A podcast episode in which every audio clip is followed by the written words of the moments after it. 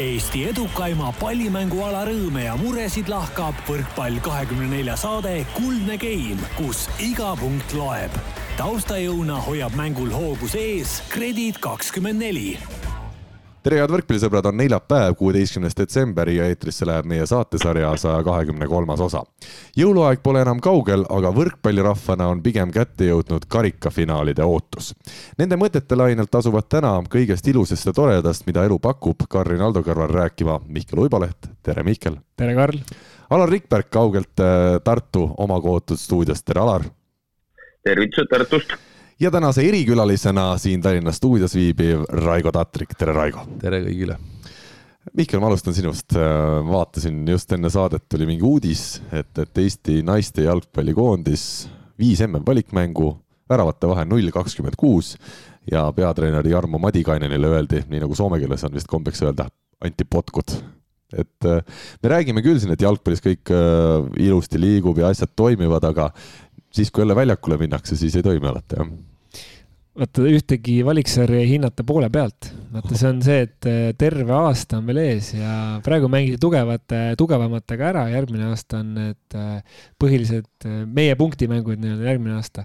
aga jaa, vastastikusel kokkuleppel läks no., läks lepingu lõpetamine, ei tõsiselt, täitsa sõbralikult ja, ja rahulikult, aga jah, lihtsalt loomulikult see see aasta oli naistekoondisele päris keeruline, et kui, kui meestekoondisel läks hästi, äh, klubidel eurosarjas, eelkõige siis Floral äh, läks väga hästi, siin veel paar õnnestumist, noored said eliitringi, rannajalgpall sai A-divisjoni, et siis naistes äh, tõesti läks, läks nii nagu läks. Alar, panid sa tähele, kuidas Mihkel praegu poliitiku kombel, küsimus oli, et näed, linnas vohub, vohab korruptsioon, et mis, kuidas kommenteerite ja poliitik vastas, et noh, korruptsioon korruptsiooniks, aga noh, me avasime just uue aga, pargi ja. oot, oot, oot, oot, aga vaata, see näitas nagu ajakirjaniku kallutatust sest küsimus oli sellise eeldusega juba, et, et sellel polnud, see on see küsimus, et kas te olete hommikuse konjaki joomise juba lõpetanud ja kuidas sa vastad sellele küsimusele?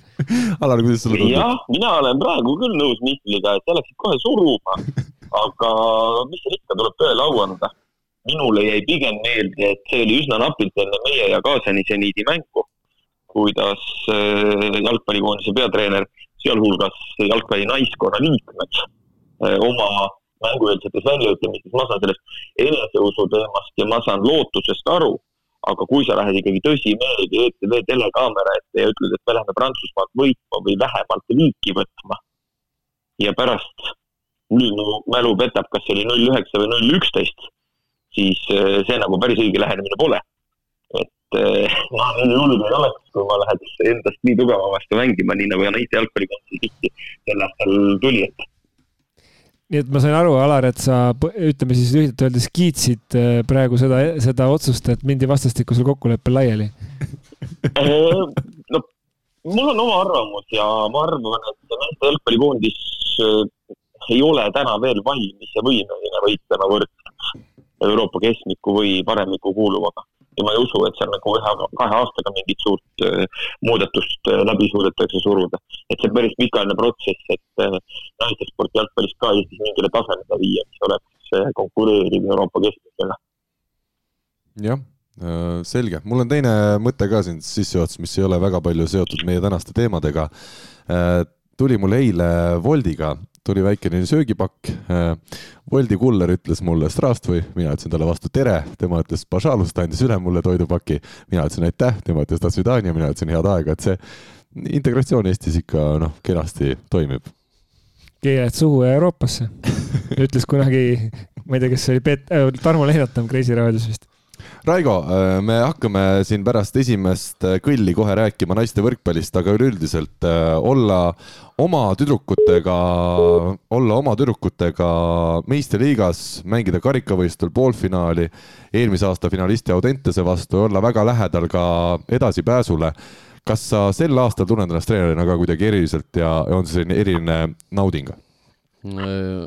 jah, tähendab selles mõttes, et eks siin oli natukene loosiõnne, et me sattusime seal Viljandiga, kes ei ole veel hetkel eh, noh, kõige, kõige, kõige, kõige teravamas tipus, et oli hea mäng meil esimesena, saime selle kätte. see oli veerandfinaalis? see oli veerandfinaal jah ja noh, kui sealt vaadata sealt nelja hulgast, kellega oleks tahtnud mängida, siis see oligi Audentes tegelikult ja, ja mitte selles mõttes, et ta kõige nõrgem sealt on, aga aga kuna seal on ka noori tüdrukuid ja, ja võib selliseid väikseid mõõnasi sisse tulla ja, ja, ja seal nagu haisime mingit väikest võimalust, aga aga seda, et meie seal favoriidid oleme, seda kindlasti ei oleks oodanud.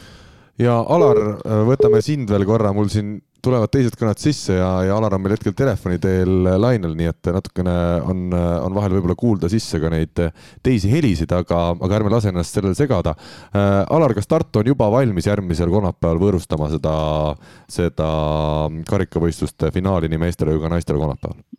kui rääkida Tartu valmisolekust ja Tartu Ülikooli spordihoone valmisolekust, siis ma usun, et ollakse valmis äh, tänase seisuga võõrustama Eesti korvpallikarika finaale et teatavasti kolmel päeval peetakse kõik vanused ehk siis seitsmeteistkümnendast üheksateistkümnenda detsembrini on Tartu Ülikooli spordihoone täiesti korvpallikas. siis, kui see üritus on omadega ühele poole saadud, siis tuleb hakata mõtlema võrkpalli võõrustamisele. kumb on suurem üritus Eesti spordi jaoks? seda näitab pärast tulemus, näitab publiku arv, näitab võib-olla televaatajate arv minu ja võrkpallirahva jaoks loomulikult on võrkpallikarika finaalid suurem sündmus. mahuliselt on korvpall suurem, seal on kõik noorteklassid koos, seal ei ole tegemist karikafinaalide, vaid Final Fouridega. ja nagu öeldud, siis kolmel päeval hommikust õhtuni ikkagi spordihall sporti täis, kui me räägime võrkpalli puhul kahest mängust, naiste finaal ja sellele järgnev meeste finaal Alar, ma ei tea, kas sa oled õige inimene küsima või vähemalt äkki keegi oskab vastata, et ma vaatan kalendrist kahekümne teine detsember, kolmapäev, kell kuusteist on Audentese ja Tartu Ülikool Bigbank äh, siis naiskondade vaheline finaal. kell kuusteist, see on tööpäeval ja see on tööajal, et nagu ma, tagasihoidlik küsimus, et kes sinna peaks vaatama tulema, et mina kindlasti ajan ennast võib-olla kuidagi kohale, võtan vaba päeva, aga miks teda peetakse sellisel ajal? Mm,? lühidalt vastates, üks oluline põhjus on Covidi reeglid. Eh, finaalmäng võib kesta kaks pool tundi. Eh, finaalmängule järgneb nii naiste kui meeste autasustamine. kella üheteistkümneks peab spordihall olema nii osalejatest kui pealtvaatajatest puhas. ja naiste ja meeste mängu vahel ei saa algusaegades mitte kuidagi jätta vähem kui kolm tundi ja ühe päeva jooksul väga raske olekski mahutada mingitesse muudesse aegadesse. küll ma, eh, teades kõrvalt eh, Hendrik Rikandi puhul seda infot, siis eh, absoluutselt naistele ei meeldi. noh, mitte, et asi ei ole meeldimises, vaid see eeldab töölt äraküsimist, see eeldab igasugu komplikatsioone, et nädalas vees ja sellisel kellaajal see mäng toimub. et raske saab olema neil vähemalt tööinimestel oma asju sättida minu meelest on seda varem nagu nädalavahetusel peetud ja siis on nagu on loogiline, et peame järjest, et noh, ma lihtsalt hakkan siit edasi nagu mõtlema, et, et, et kas siis ei oleks variant seda pidada hoopis eraldi, et, et nagu üks ühel õhtul, teine teisel õhtul. aga vaata, vaata ongi kaks varianti. üks võimalus on lahku lüüa, teine asi on see, et neid on koos tehtud.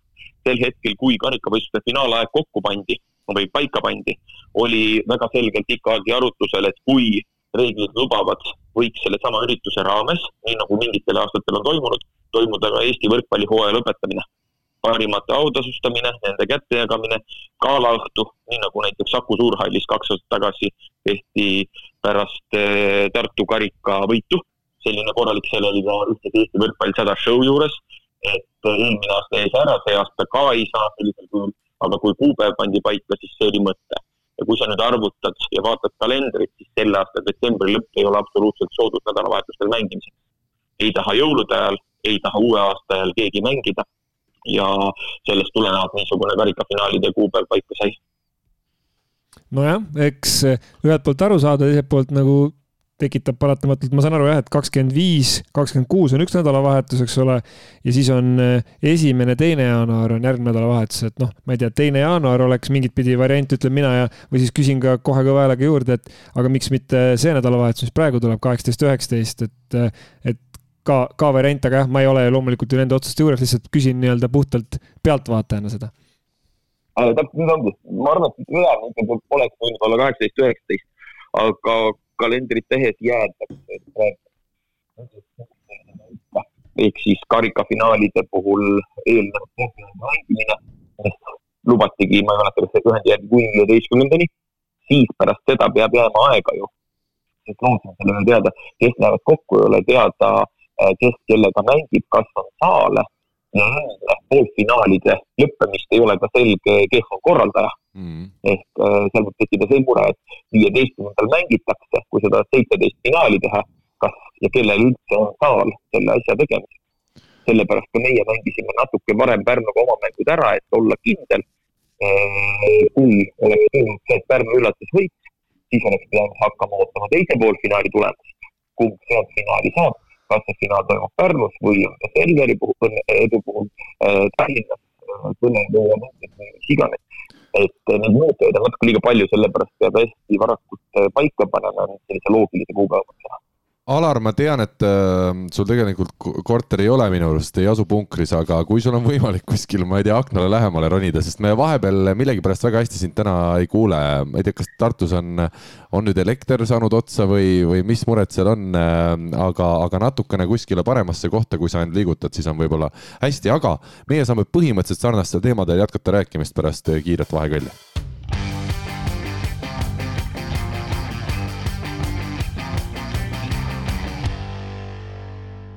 Eesti võrkpallis oli eile kolmapäeval siis tõesti üks eriline päev, sest nii naiste kui ka meeste arvestuses selgus teine karikafinalist.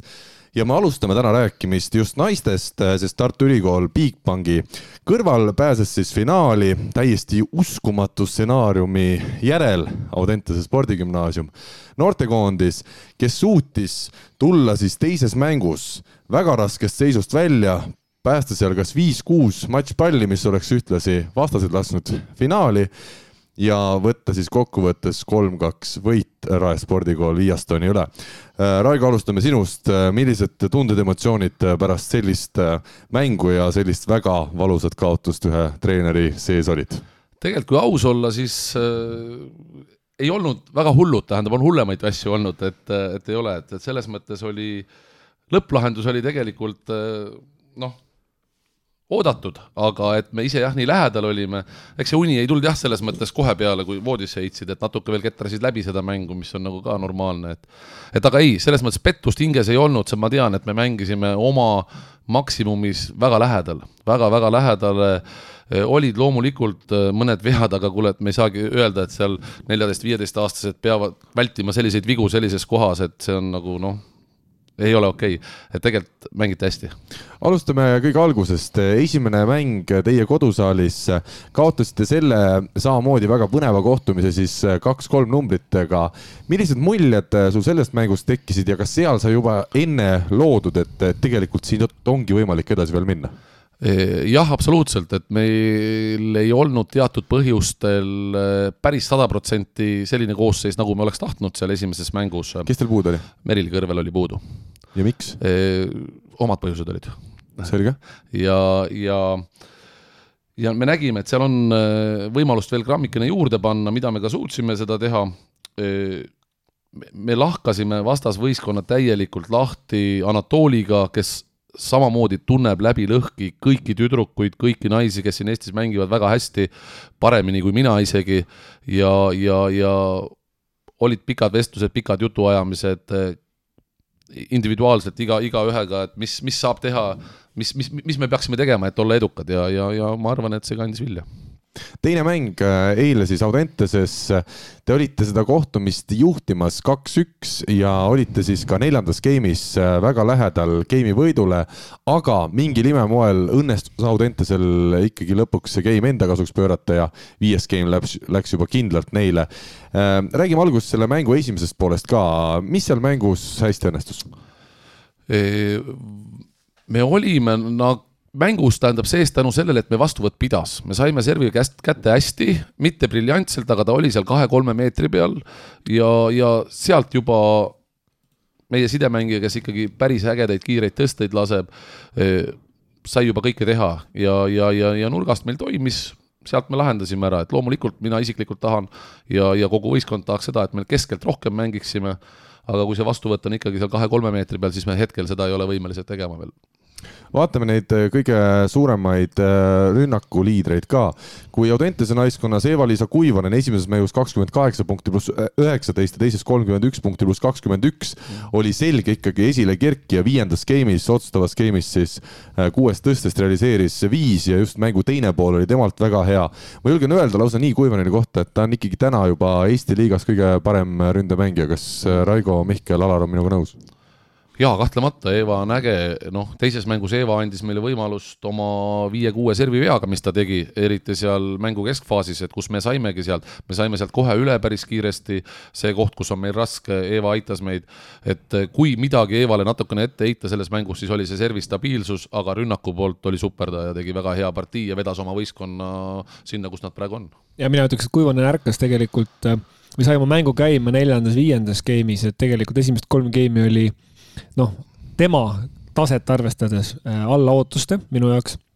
serv oli muidugi selline, mis andis selle, äh, selle tunde või selle emotsiooni veel nagu teravdas, sest et äh, ta alustas hüppelserviga, esimene oli väga korralik, siis läks hüppelserv lagunes ära, siis proovis hüppelplaneerivat, mis ka tõi kaasa jah, vähemalt kolm-neli eksimust. Ja. ja tegelikult ei olnud äh, ohtlik, äh, valdavalt ei olnud ohtlik. Ja, ja nii nagu Raigo ütles, mul oli ka endal enne, eile siis mängu vaadates ka nii-öelda äh, tegin mõned märkmed üles täheldada just seesama rae vastuvõtt, et tegelikult see oli Need numbrid küll üldkokkuvõttes, mis on statistikas, ei, ei peegelda seda võib-olla nii, aga saalis oli küll minu meelest selgelt näha esimesed kolm game'i ja tegelikult ka suur osa neljandast game'ist oli see rae vastuvõtt oli, oli korralik, jah, keskelt ei tulnud, aga ikkagi seal olid, seal olid normaalsed, normaalsed variandid, aga, aga noh, Kuivanen jah, siis, kui teda vaja oli, neljas-viies game, siis ta tuli, tegi ja ma imestasin vahepeal, et, et mängiti natuke liiga vähe tal äh, tagantliini sinna, sinna keskelt, äh, kui ta ründas, et minu meelest need pallid jäid peaaegu et eranditult maha. et see oli see natuke ebatraditsiooniline rünnak ja seda nagu, kui muidu Rae oli jällegi väga hästi kaitses, siuksed äh, ütleme, nurgast löögid ja ka keskelt seisti nagu väga-väga tublid kaitses ja saadi need pallid enam-vähem ülesse, siis just sealt Kuivaneni vastu tagantliinist oldi nagu hädas, kuna see oli natuke sihuke ebatraditsiooniline, et seal oleks võinud isegi talle rohkem mängida. kuigi mul tuleb meelde, ma vaatasin ka tagantjärele seda neljandat-viiendat game'i ja just siis, kui oli üks matšpall Rael, Häli Vahula väga julgelt mängis tagaliini ja, tegelikult ja Kuivanen lõi ära ja, sealt. sealt hakkaski tulema minu meelest. seal oli, meil oli tegelikult see, et me jälgime seda, me astume kõrvale, see tõste ei ole väga selline kiire sealt kolme tagant, seal on tegelikult aega ja on jõudu, aga noh natukene see mõte jõuab nagu hiljem, kui on löök käinud, tähendab, et ai, ma pidin seda tegema, et noh, seda teeme tööd ja ju proovime natuke kiiremini selle otsuseni jõuda, et sinna peab minema Alar, veel äh, Eva-Liisa Kuivaneni jutu jätkuks, äh, kuidas sina tema hetketaset äh, hindad ja kas sa oled siis ka nõus sellega, et Eesti liigas mängivatest naistest on ta hetkel kõige, kõige parem ründaja? mitte tema üksi, mm, olles siin kohal viimase Tartu Ülikool Bigbanki ja Audentese noortekoondise mängul, siis rünnakuvõimu ongi noortel palju ja võib-olla rohkem kui teistel. Et äh, mina nägin täpselt samamoodi viimast kahte game'i, kui Kuivonenil oli siis see hoog sees, kui ta säras, eriti viiendas game'is kohe algusest peale äh,, oleks piisanud temast ainsanagi. Äh,. Rael oli juba raske rünnakule jõud, ega see vastuvõtt nii kehva polnudki, et stabiilselt tundus selline meestemängu sarnane, et hästi palju vastuvõtte oli kuskil kolme meetri peal keset väljakut, et sealt annab mängida küll, aga tõesti lihtsalt naismängu puhul ei anna sealt äh, temposse väga tõsta vähemalt Eestis meil ei ole nii võimekaid temporündajaid, kellega mängida äh, kolme meetri pealt keskelt. ja Äl, ma räägin Aga... ka seda, et meil oli üks viieteistaastane sidemängija veel, kes mängib esimesi vi viis, viite-kuute mängu meistriliigas, et no, sealt just. nagu riskida selliseid palle, tegelikult ta suudab ja oskab, aga, aga noh mängus selliselt seisus no, ta veel ei, veel ei suuda seda teha. ei, ei olegi hullu ja ei olegi vaja tegelikult, aga kui vaadata seda neljanda geimi lõppu, siis äh, see oli niikuinii loterii et eh, üks plokipunkt, mis seal eh, noortekoondisele tuli, enne seda just oli plokist nende poole maha jäänud, oleks üks matšpall löödud ploki vahelt, jälle oleks see mäng läbi olnud, räägiksime praegu täiesti teistsugust juttu. et noortekoondis võitles, vahepeal vaatasin, et isegi nende peatreener Andrei Ojamets oli täitsa väljaku kõrvale pingile istuma jäänud neljandas skeemis. see oli jah huvitav moment. kui tekkis, kui tekkis nagu võimalus tagasimängu, et ma ei tea, kas ta päris alla andis, aga noh, selge oli see, et ta ei olnud rahul sellega, mis väljakul toimus ja neljanda geimi võiduga äratasid tüdrukud ka oma peatreeneri hoopis ülesse ja, ja hoopis teistsuguse stiiliga ja teistsuguse emotsiooniga ühendas seda viiendat geimi. see oli päris huvitav, sest et esimesed kolm geimi, ütleme jah, kolmandasse sinna poole peale oli Andrei talle omaselt eh, elas kaasa ja, ja nii-öelda ja siis ta läks istus lihtsalt, istus, et eh, ja ta minu meelest enam-vähem ta ikkagi ka viiendas, okei okay,, ta tuli natuke rohkem, viiendas polnud muidugi enam vaja, sest et seal mindi seitse-üks juhtima kiirelt ja need seisud läksid väga kiiresti väga selgeks. aga, aga just ma mõtlesin ka selle üle, et, et Andrei on väga osav selline noh, ma ei tea, siis psühholoog või, või, või seda, seda, seda, poolt, et ilmselt tal ei õnnestunud, ta proovis, proovis, proovis, ta ütles, et okei okay,, ma ei, mul ei õnnestu teistmoodi, et nüüd kas nad ujuvad nagu ise välja või ei uju, et seal kuidagi nad võtsid, see võistkond võttis mingit pidi vist ennast ise kokku, sest ta ei võtnud ka, ta ei võtnud ka enam ühel hetkel aegu, minu meelest ka neljandas ta kui ma õigesti mäletan, et ta ei.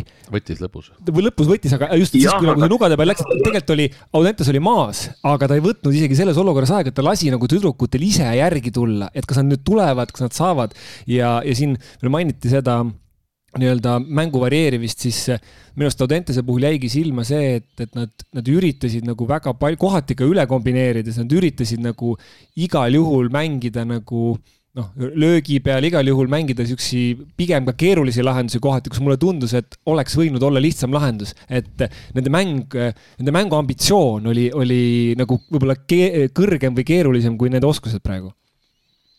Alar. eks treeneril ongi oskus tunda enda võistkonda ja kui Andrei sel hetkel tunnetas, et lahendus saab olla ainult see, kui võistkond ise tuleb raskustest välja siis tagantjärele peame kiitma ja ütlema, et see oli õige otsus. ja õnneks, mina ütlen, et õnneks spordis sa tulemust ette ei tea, see oleks võinud minna vabalt teistpidi, siis saame öelda, et näed, treener ei olnud piisavalt osavõtlik neljandas game'is, täna saame öelda niipidi, et Andrei tegi õige otsuse, mängijad eh, võtsid ennast kokku, tõid võidu ja tõid finaali koha nii, aga mina olen äh, natukene uurinud neid vanuseid veel, kuna tõesti kahe väga noore võistkonnaga äh, oli ju tegu meil selles poolfinaalpaaris. Ja võtame siis kõigepealt Audentese eilse põhikoosseisu ehk seitse mängijat. Kuivonen, Pill ja Talvar kaheksateistaastased, Kangro, Siimson ja Vahula seitsmeteistaastased ja Lember diagonaalina siis kõige noorem kuueteistaastane. Ja Raigo Tatriku ühendatava Rae võistkonna siis ütleme, vanuseskaala on, on veel laiem seal on siis Pajula kakskümmend kolm aastat, Säästla kakskümmend üks aastat, Lamp üheksateist aastat ja siis tulevad verinoored, viieteistaastased Kõrvel ja Põldmaa ja veel neljateistaastased äh, Tatrik ja Kask juurde ja kokku siis mõlema võistkonna keskmine vanus äh, eilse algkoosseisu põhjal täpselt seitseteist koma kaks eluaastat, et ikkagi väga noored tütarlapsed mängisid juba väga tähtsaid mänge. ma usun, et nemad ju ka teadsid väga hästi, mis on kaalul. kas sa, Raigo, ka nägid seda nende nägudest, et, et nad teadsid, et siin on ikkagi finaali pääs mängus? No ma nagu ei, isegi üllataval kombel ma ei saanud seda aru, tähendab enda, enda mängijatest, see, mis nagu teiste vastaste peas toimus, see nagu noh, seda ma ei tea. aga see, mis nagu, ma oleks nagu oodanud nagu rohkem seda, seda, et noh, et mõtlemist, et mis seal toimub, mis seal on, et nad mängisid tavalist reamängu, mis ongi äge tegelikult, et nad lähevad, mängivad, mõtlemata seda, et kas see nüüd on mingi poolfinaal või mingi finaal või, või, või mingi EM-i alagrupp või no mis iganes. et nad mängivad seda, nad oskavad, mängivad seda välja, mis nad oskavad, tähendab. ja kui nad seda suudavad, siis on see super tegelikult. mulle nagu mingil hetkel hakkas tunduma seal, et, et äkki see äh, mõne mängija kogemus, et see paar aastat selles vanuses on tegelikult nagu ülioluline, et see, et seal on kahekümne ühe, kahekümne kolme aastane versus seitsmeteist, kaheksateist aastane, et see on nagu hästi suur vahe, et mingi hetk mul hakkas nagu mõtlesin, et okei okay,, et kas see kallutab nagu selle mängu rae kasuks, sest noh, kui kolmas game oli läbi ja neljas nagu hakkas pihta, et tegelikult noh, see oli täpselt see hetk, et okei okay,, kui siin ei toimu midagi sellist, mis oleks nagu äh, korralikult raputav, siis rae võtab selle ära, et sihuke enne neljandat game'i minu jaoks oli umbes seitsekümmend, kolmkümmend äh, pigem, et rae võtab selle neljanda game'i ära ja läheb siit edasi. vähemalt, äh, vähemalt nagu noh, et, et see, seal oleks pidanud nagu midagi olulist juhtuma ja noh, lõpuks juhtus ka, et tihtipeale see on, ma ei tea, kas emotsioonide osakaal, eriti kui noored mängivad, kus, kus sa, kus sa nagu, kus sul on võimalik kõigutada seda paati nagu selliselt, ma ei kujutaks ette, et äh, nagu älli juhendatav võistkond üldse meeste klassis või täiskasvanute klassis üldse noh, kus mängivad ikkagi kogenud mängijad, et saaks nii kardinaalselt muutuda. aga saab, aga saab, me hakkame pühapäevasest mängust, kus tartlased osalesid ka varsti rääkima siis meeste osas, aga, aga Raigo, sa oskad kas midagi kommenteerida siin selle Mihkli jutu peale? Ega ei oskagi, tähendab jah, et seal see viimane game, ma ütlen, loomulikult me ei saa ala, alatähtsustada seda Pajula osa selles võistkonnas üleüldse tegelikult, seda nii mängus, eh, riietusruumis, treeningutel, et see on kõva sõna. lauamänguõhtutel. Eh, noh, see, see on teine teema seal, eks see, aga, aga see käib asja juurde, need lauamängude teema, et et see on, see on, annab palju juurde ja kui need tüdrukud oleks ilma Hannata, siis see areng oleks natukene aeglasem nad arenevad palju-palju kiiremini, kui seal on sees sellised mängijad. no Pajula esimeses mängus siis kakskümmend viis punkti pluss üheksa, teises mängus nüüd jäi tema, ütleme, eh, headus eh, natukene tagaplaanile, neliteist punkti pluss kolm, aga nagu sa ütlesid ka, Merili Kõrver oli siis juures kakskümmend kolm punkti pluss viisteist. Ja kuna me juba mainisime, et tegu on alles viieteistaastase mängijaga, siis ole hea, iseloomusta natukene teda ka, tegu siis eh, sarnaselt Pajulale nurgaründajaga mm, ma korraks nagu ütlen, et siin on väiksed omad põhjused, see on Hanna, Hanna tagasihoidlikum natukene mäng, kuid ma ei lahka neid äh, täpsustuseni, et, et siin on, millega me töötame, millega me näeme vaeva, loodame, et, et kõik lõpeb hästi, et. aga kõrveli kohta? väga võimas, üle, üle aastate jälle üks pikk, noh, väga, väga andekas mängija, äh, väga vajalik mängija nii noortekoondisele kui tulevikus võiks olla ka, miks mitte naistekoondisele suhtleme temaga igatpidi, tähendab, meil on omad see, mul on väga hea meel, et ta üldse mängib meiega praegu.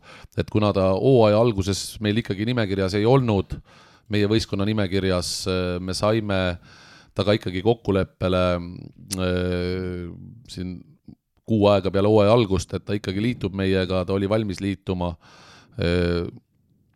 tundub, et ta naudib ka praegu seda olukorda, et tal läheb okeilt seal tal on omad väiksed äh, vigastused, kerged, millest ta tahab lahti saada, me loomulikult ei pane talle täiskoormust peale, et kõik mängud, kõik treeningud, kõik see äh, võtame väga rahulikult, et me ei taha noori ära tappa. noortest rääkides, eile oli Audentesel puudu Karmel Vares, kes oleks võinud ka põhimõtteliselt eh, nii-öelda, kas on ka vist aasta või aasta? kaks tuhat kuus. just, et ta on ka viieteistaastane, et ka eh, oleks võinud seda keskmist vanust veel, veel allapoole tuua, aga ma tahtsin Raigo su käest küsida, et kus see võistkond, sinu võistkond kokku on pandud, palju on neid, kes äh, on sinu äh, käe alt tulnud ja palju on neid, keda sa oled kuskilt äh, mujalt nii-öelda saanud, saanud nõusse mängima, sest noh, neid huvitavaid kujusid, kes naiste võrkpallile annavad juurde, on seal väga palju tegelikult, et noh, nagu sa mainisid, mõned on täiesti veel, veel verinoored ja alles teevad oma esimesi samme, aga, aga see, no tegelikult mõlemal pool võrku eile oli nagu suurepärane näha, et, et materjali on nagu kõvasti, kus sa, kus sa need oled leidnud? No minul käis äh, klikk läbi peast, äh, kui ma siin ennem olen ka kuskil maininud seda, et oli, mängisime EVSA turniiri, kuna ma olen ise kaks tuhat kuus tüdrukute koondise peatreener, et mängisime EVSA turniiri Taugapil siis märtsikuus. ja me mängisime Venemaa vastu, kes mängis hiljem ka Poolaga seal väga võrdselt, olid pikad, olid võimsad, olid osavad, äh, suutsime neile seal no mitte päris niimoodi, et seal üle kahekümne punkti saada, aga me suutsime seal ikkagi seal kaheksateist ja neliteist ja mis seal need game'id olid seal ja suutsime täitsa mängida nendega.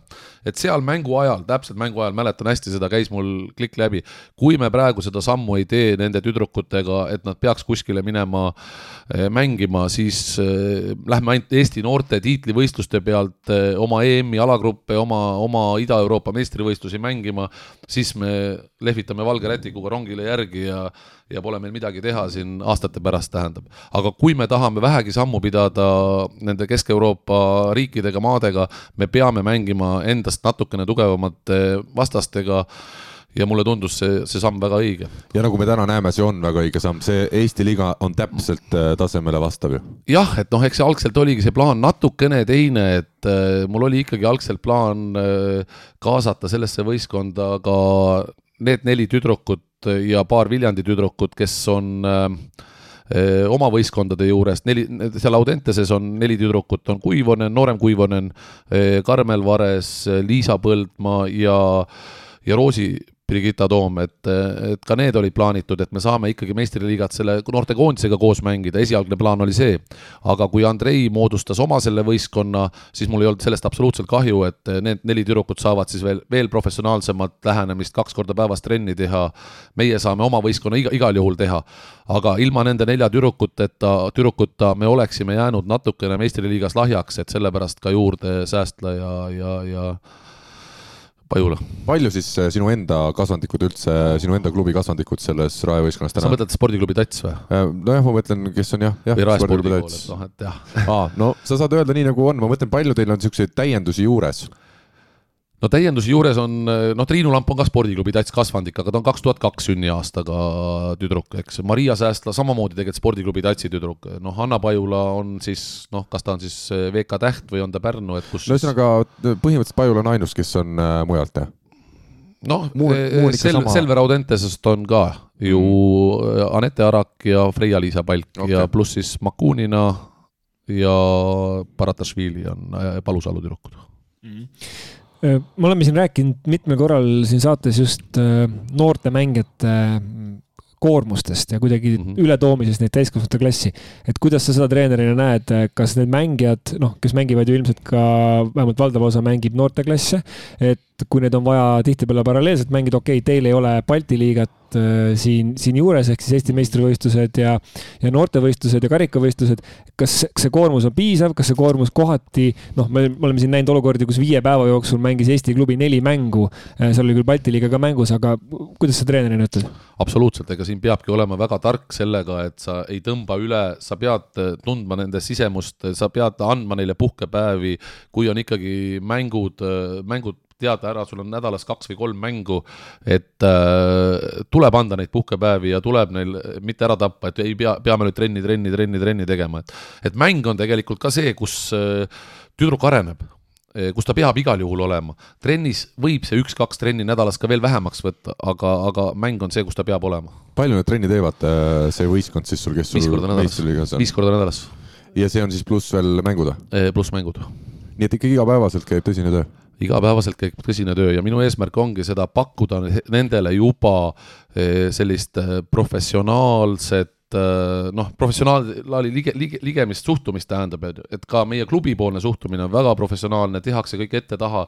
tüdrukud tunnetavad seda, et see asi toimib, et Rain Peerandi on teinud väga suurt tööd Eh, sellega, et see taustajõud ja, ja, ja kõik muu asi toimiks. meie Anatoliga saame puhtalt keskenduda treeneritööle, tüdrukud saavad oma treeningutööle, neil on kõik vajalik olemas, kui on vaja eh, varustuse poole pealt, kui on vaja massaažid, kui on need, et siis on see kõik võimalik, et eilsel mängul oli tegelikult hästi lahe atmosfäär, rahvast ei olnud küll loomulikult noh, palju. Ma seal noh, nõks alla saja läks äh, protokolli, ma vaatasin seal üheksakümmend. meil on meistriliiga meeskondade keskmised näitajad kuskil seitsmekümne juures praegu peale TalTechi, nii et uh. tegelikult ütleme, millega võrrelda, sellega võrrelda väga palju. aga, aga, aga pull oli see, et saab öelda, et oli täismaja, sest ega see tribüüni peale nagu väga palju rohkem poleks mahtunud ka, et noh, seda mm, -hmm. seda ei olnud nagu piisavalt või ei olnud rohkem lahti tõmmatud, aga lihtsalt see atmosfäär oli ka selles mõttes lahe, et sul olid Audentese toetajad ehk siis ilmselt sõbrad-tuttavad, võib-olla koolikaaslased ja siis olid rajal samamoodi noh, ma eeldan lapsevanemad jällegi pereliikmed, sõbrad-tuttavad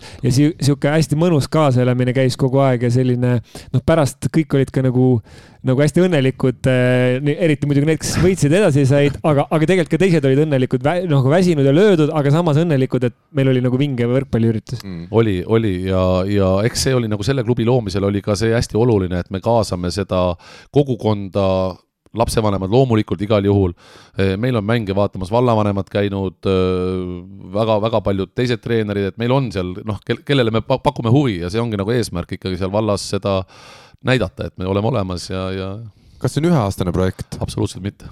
et äh, siin on ikkagi plaan teil võetud ette Eesti naiste võrkpallis olla mingil hetkel number üks tegija? ei, ma seda nagu otseselt praegu ei olegi pan-, pan-, pandud plaaniks, et pigem järk-järguline tüdrukute arendamine, ma ei tea, mis saab järgmine aasta, kas Säästla, Pajula, eh, nooremad tüdrukud äkki lähevad linna kooli, mis edasi, et me võtame nagu step by step ja aasta korraga. et loomulikult eh, see ei ole üheaastane projekt, et, et siin osad tüdrukud on kaheksas-üheksas klass ja, ja kuskile nad veel ei lähe tööle ja kuskile muud, et, et neil on õige aeg mängida võrkpalli. aga need, kes on äh, täisealised, ütleme kolm põhikoosseisu naist, nemad siis teevad äh, kas töö või õppimise kõrvalt, jah?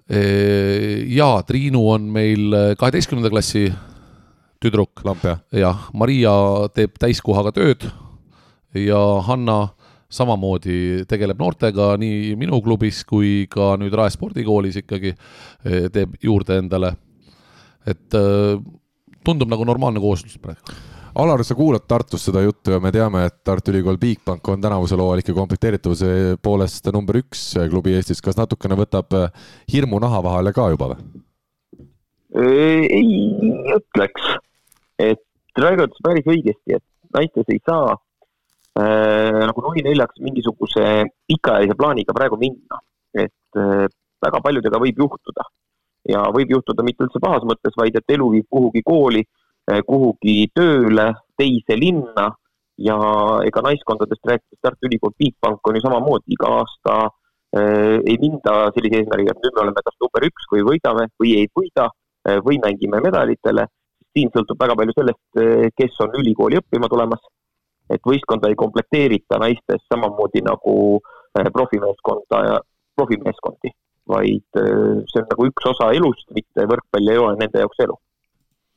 Äh, Rain Peerandist sa rääkisid, äh, Raigo, mina tean teda väga hästi kui Euroliiga ehk siis Euroopa tugevama korvpalliliiga ühte vilemeest. jaa, saab väga hästi hakkama seal, ma olen vaadanud. kas ta saab sama hästi ka teie klubis hakkama tegelikult Rain on super ja, ja, ja. ja kuidas te leidsite ta? Rain on meil see Rae spordikooli selle spordiosakonna juht seal. Ja, ja minul esimene kõne oligi, noh loomulikult ma rääkisin esimesena oma mõttest ära Anatolile, et ma tahan Anatolit enda kõrvale saada, sellised hulljulged plaanid meil on, Anatoli ütles, et davai, teeme ära, järgmine kõne oli Rain Peerandile, Rain vist ei kõhelnud seal sekunditki, ütles, et muidugi, teeme ära. ja nädala pärast olid juba esimesed suuremad sponsorid, Viaston, Rapid Security, Rovalis olid kohe taga meil et momentaalselt Rain pani kirja kokku, Viaston ütles, et neile see, see väga sobib, see on väga hea idee, Rovalis täpselt samamoodi, Rapid Security absoluutselt samamoodi ja see käis väga kiiresti. nii et kui on hea mõte ja sellised tegusad eestvedajad, siis sina ikkagi ütled, et tegelikult on võimalik seda võrkpalli eest Eestis ajada küll. absoluutselt, aga noh, peab mingi hull loll vanatt ees olema, kes seal seda asja ajaks, et mm. ega muidu, muidu on raske. mis see eelarve on äh, Rae meistriliiga naiskonnal tänavu umbes? Me ise loodame seal kuskil kahekümne viie, kolmekümne tuhandega hakkama saada. aga vaatame, mis seal lõpus toimub, et, et me katsume selle esimese aasta äh, väga minimaalselt toimetada, vaatame, kuidas õnnestub, et siis loeme kokku ja vaatame, mis järgmine aasta. millised on Anatoli Kuprjanovitši äh, mõtted, ideed ja milline on tema roll laiemalt äh, sinu naiskonnas? Anatoli roll on väga suur, et selles mõttes ma, nagu ma ennem mainisin, et Anatoli tunneb Eesti naisi äh, naisvõrkpallureid isegi tunduvalt paremini, kui, kui mina seda tunnen. Mäng, mängijaid isiksusi seal, et minu, minu poolt on nagu rohkem selline mängutaktikaline plaanid, need, mina tunnen oma võistkonda väga hästi, kuidas neid nagu mängima panna ja rohkem sellises vastaste analüüsis ja selles me usaldame ikkagi Anatolit väga palju, et tema mm. töö on seal hästi oluline aga tulles veel tagasi siis selle poolfinaalpaari juurde viivuks, siis mina tõstaks esile siin ikkagi ka sidemängijaid, meil on Eesti Äh, meeste ja ka naiste võrkpallis olnud ikkagi viimastel aastatel juttu, kust tulevad need noored sidemängijad, kel, keda meil on äh, paratamatult vaja siin kogenud tegijate kõrvale? Juba lähiajal pead tõstma, siis äh, Audentese poolel Häli Vahula seitsmeteistaastasena. Minu hinnangul juba praegu selge mänguklass on olemas ja on ka naistekoondises saanud ju karastust, nii et tundub, et seal liigub kõik paremuse suunas. Ja täpselt samamoodi siis sinu naiskonnas Raigo Anni Põldmaa küll küll, nagu me juba oleme täna rääkinud, alles viieteistaastane, aga juba oma asjadega saab päris hästi hakkama selle vanuse kohta. jah, et kui ma nagu seda kokku panin, ma olin valmis, et meil läheb ikkagi aega üks kümme, viisteist mängu, e, esialgu ka sidemängija, et ta elab sellesse rolli sisse, vastuvõtjad, et nad harjuvad nende kiirustega, sellepärast et need kiirused on hoopis teised ju, mis on e, noorteklassis, eks ju. E, kui sul on naised vastas ma ütlen ausalt, et äh, mul on suur üllatus see, et äh, Anni on teinud esimese kümne mänguga vist ka kaks sooja palli, mis on viieteist kohta nagu üllatavalt vähe. et see on nagu super. ja teine on siis see oma plika Alessandra, kes on ikkagi selle vastuvõtukiirustega nii hästi hakkama saanud, et praktiliselt need ässad on ikka väga haruldased, mis lüüakse, et räägi Lisandrost meile natukene, ma sinna tahtsin ka lõpuks äh, jõuda, sinu oma tütar on mänginud siin rannavõrkpalli, saalivõrkpalli, olnud omaealistes mõlemas Eesti vaieldamatu üks liidreid. kui raske on üldse oma tütart juhendada? ei ole raske, et ma võtan ikka kõike ühe pulgaga, et ei ole nagu oma tütar ja ei ole see, et, et on mängija, kes täidab oma rolli ja ja nii on, et see ei ole see, et ta on minu tütar, et ta nüüd äh, peab rohkem mängima või ta peab olema seda, et see ei ole kindlasti see, et kes on parem, see mängib, absoluutselt. milline ta mängijana on? paras nahhaal ikka selline, et no siis on ikka oma, oma isa tütar ju? jah, eks ta teab, et ega kui ta seal va vaikselt seal väljakul on, et siis tal pikka pidu seal ei ole, et ta peab ikkagi turgutama seal teisi ja kaasa elama seal, et et.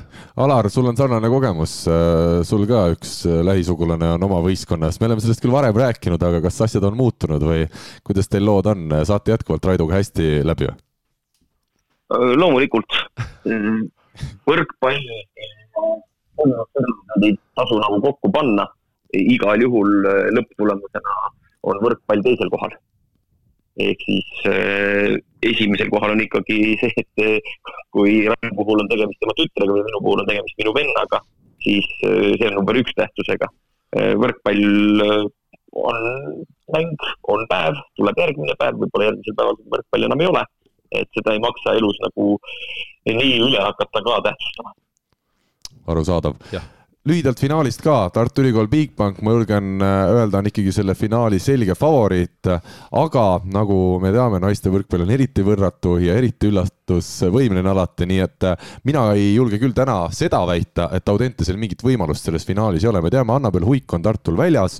me teame ka seda, et siin nädalavahetusel on Tartul tulemas kolm päeva järjest Tallinnas mängud, ehk siis nad lähevad ikkagi üsna tugeva, ma julgen öelda, väsimuse pealt järgmisele nädalale vastu. eks Hendrik Rikandi asi on nüüd leida need võimalused anda seal kellelegi puhkust ja kellel seda kõige rohkem vaja on. aga me teame, et see nädalavahetus ei ole ka Ingrid Kiiski kasutada, kes on siis äh, hetkel välismaal viibimas ja tulemas karikafinaaliks alles tagasi. nii et ütleme, murekohti tartlastel tegelikult on küll, kuigi justkui vaatad koosseisu, siis peaks olema see üks ilus äh, teekond äh, kullani.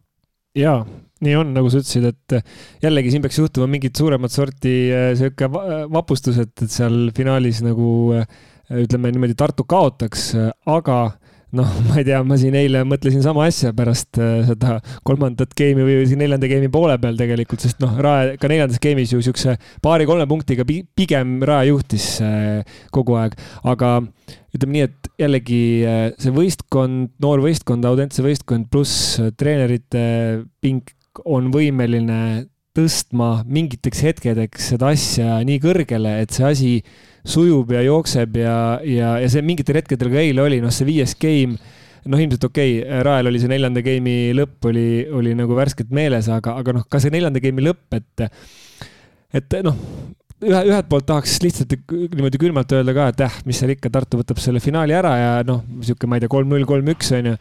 ja ei lähe väga põnevaks, aga, aga mine tea, et igal juhul tasub seda vaadata, see on nagu, see on nagu kindel, sest et Audentes on pigem selline võistkond, et sealt võib nagu, sealt võib alati tulla mida iganes Andrei Ojamets siis Audentese naiskonna eesotsas kaks aastat olnud ja mõlemal aastal jõudnud karikafinaali, tuletame meelde, et kui Peeter Vahtra oli võistkonna eesotsas, siis äh, Audentes äh, vist finaalis ei mänginudki, loomulikult siis olid ka naisteklubid, ütleme, seisud meil teistsugused ja ega Audentese võib-olla finaalipääsu keegi väga ei oodanudki, aga ikkagi mm. Andreil kahest kaks.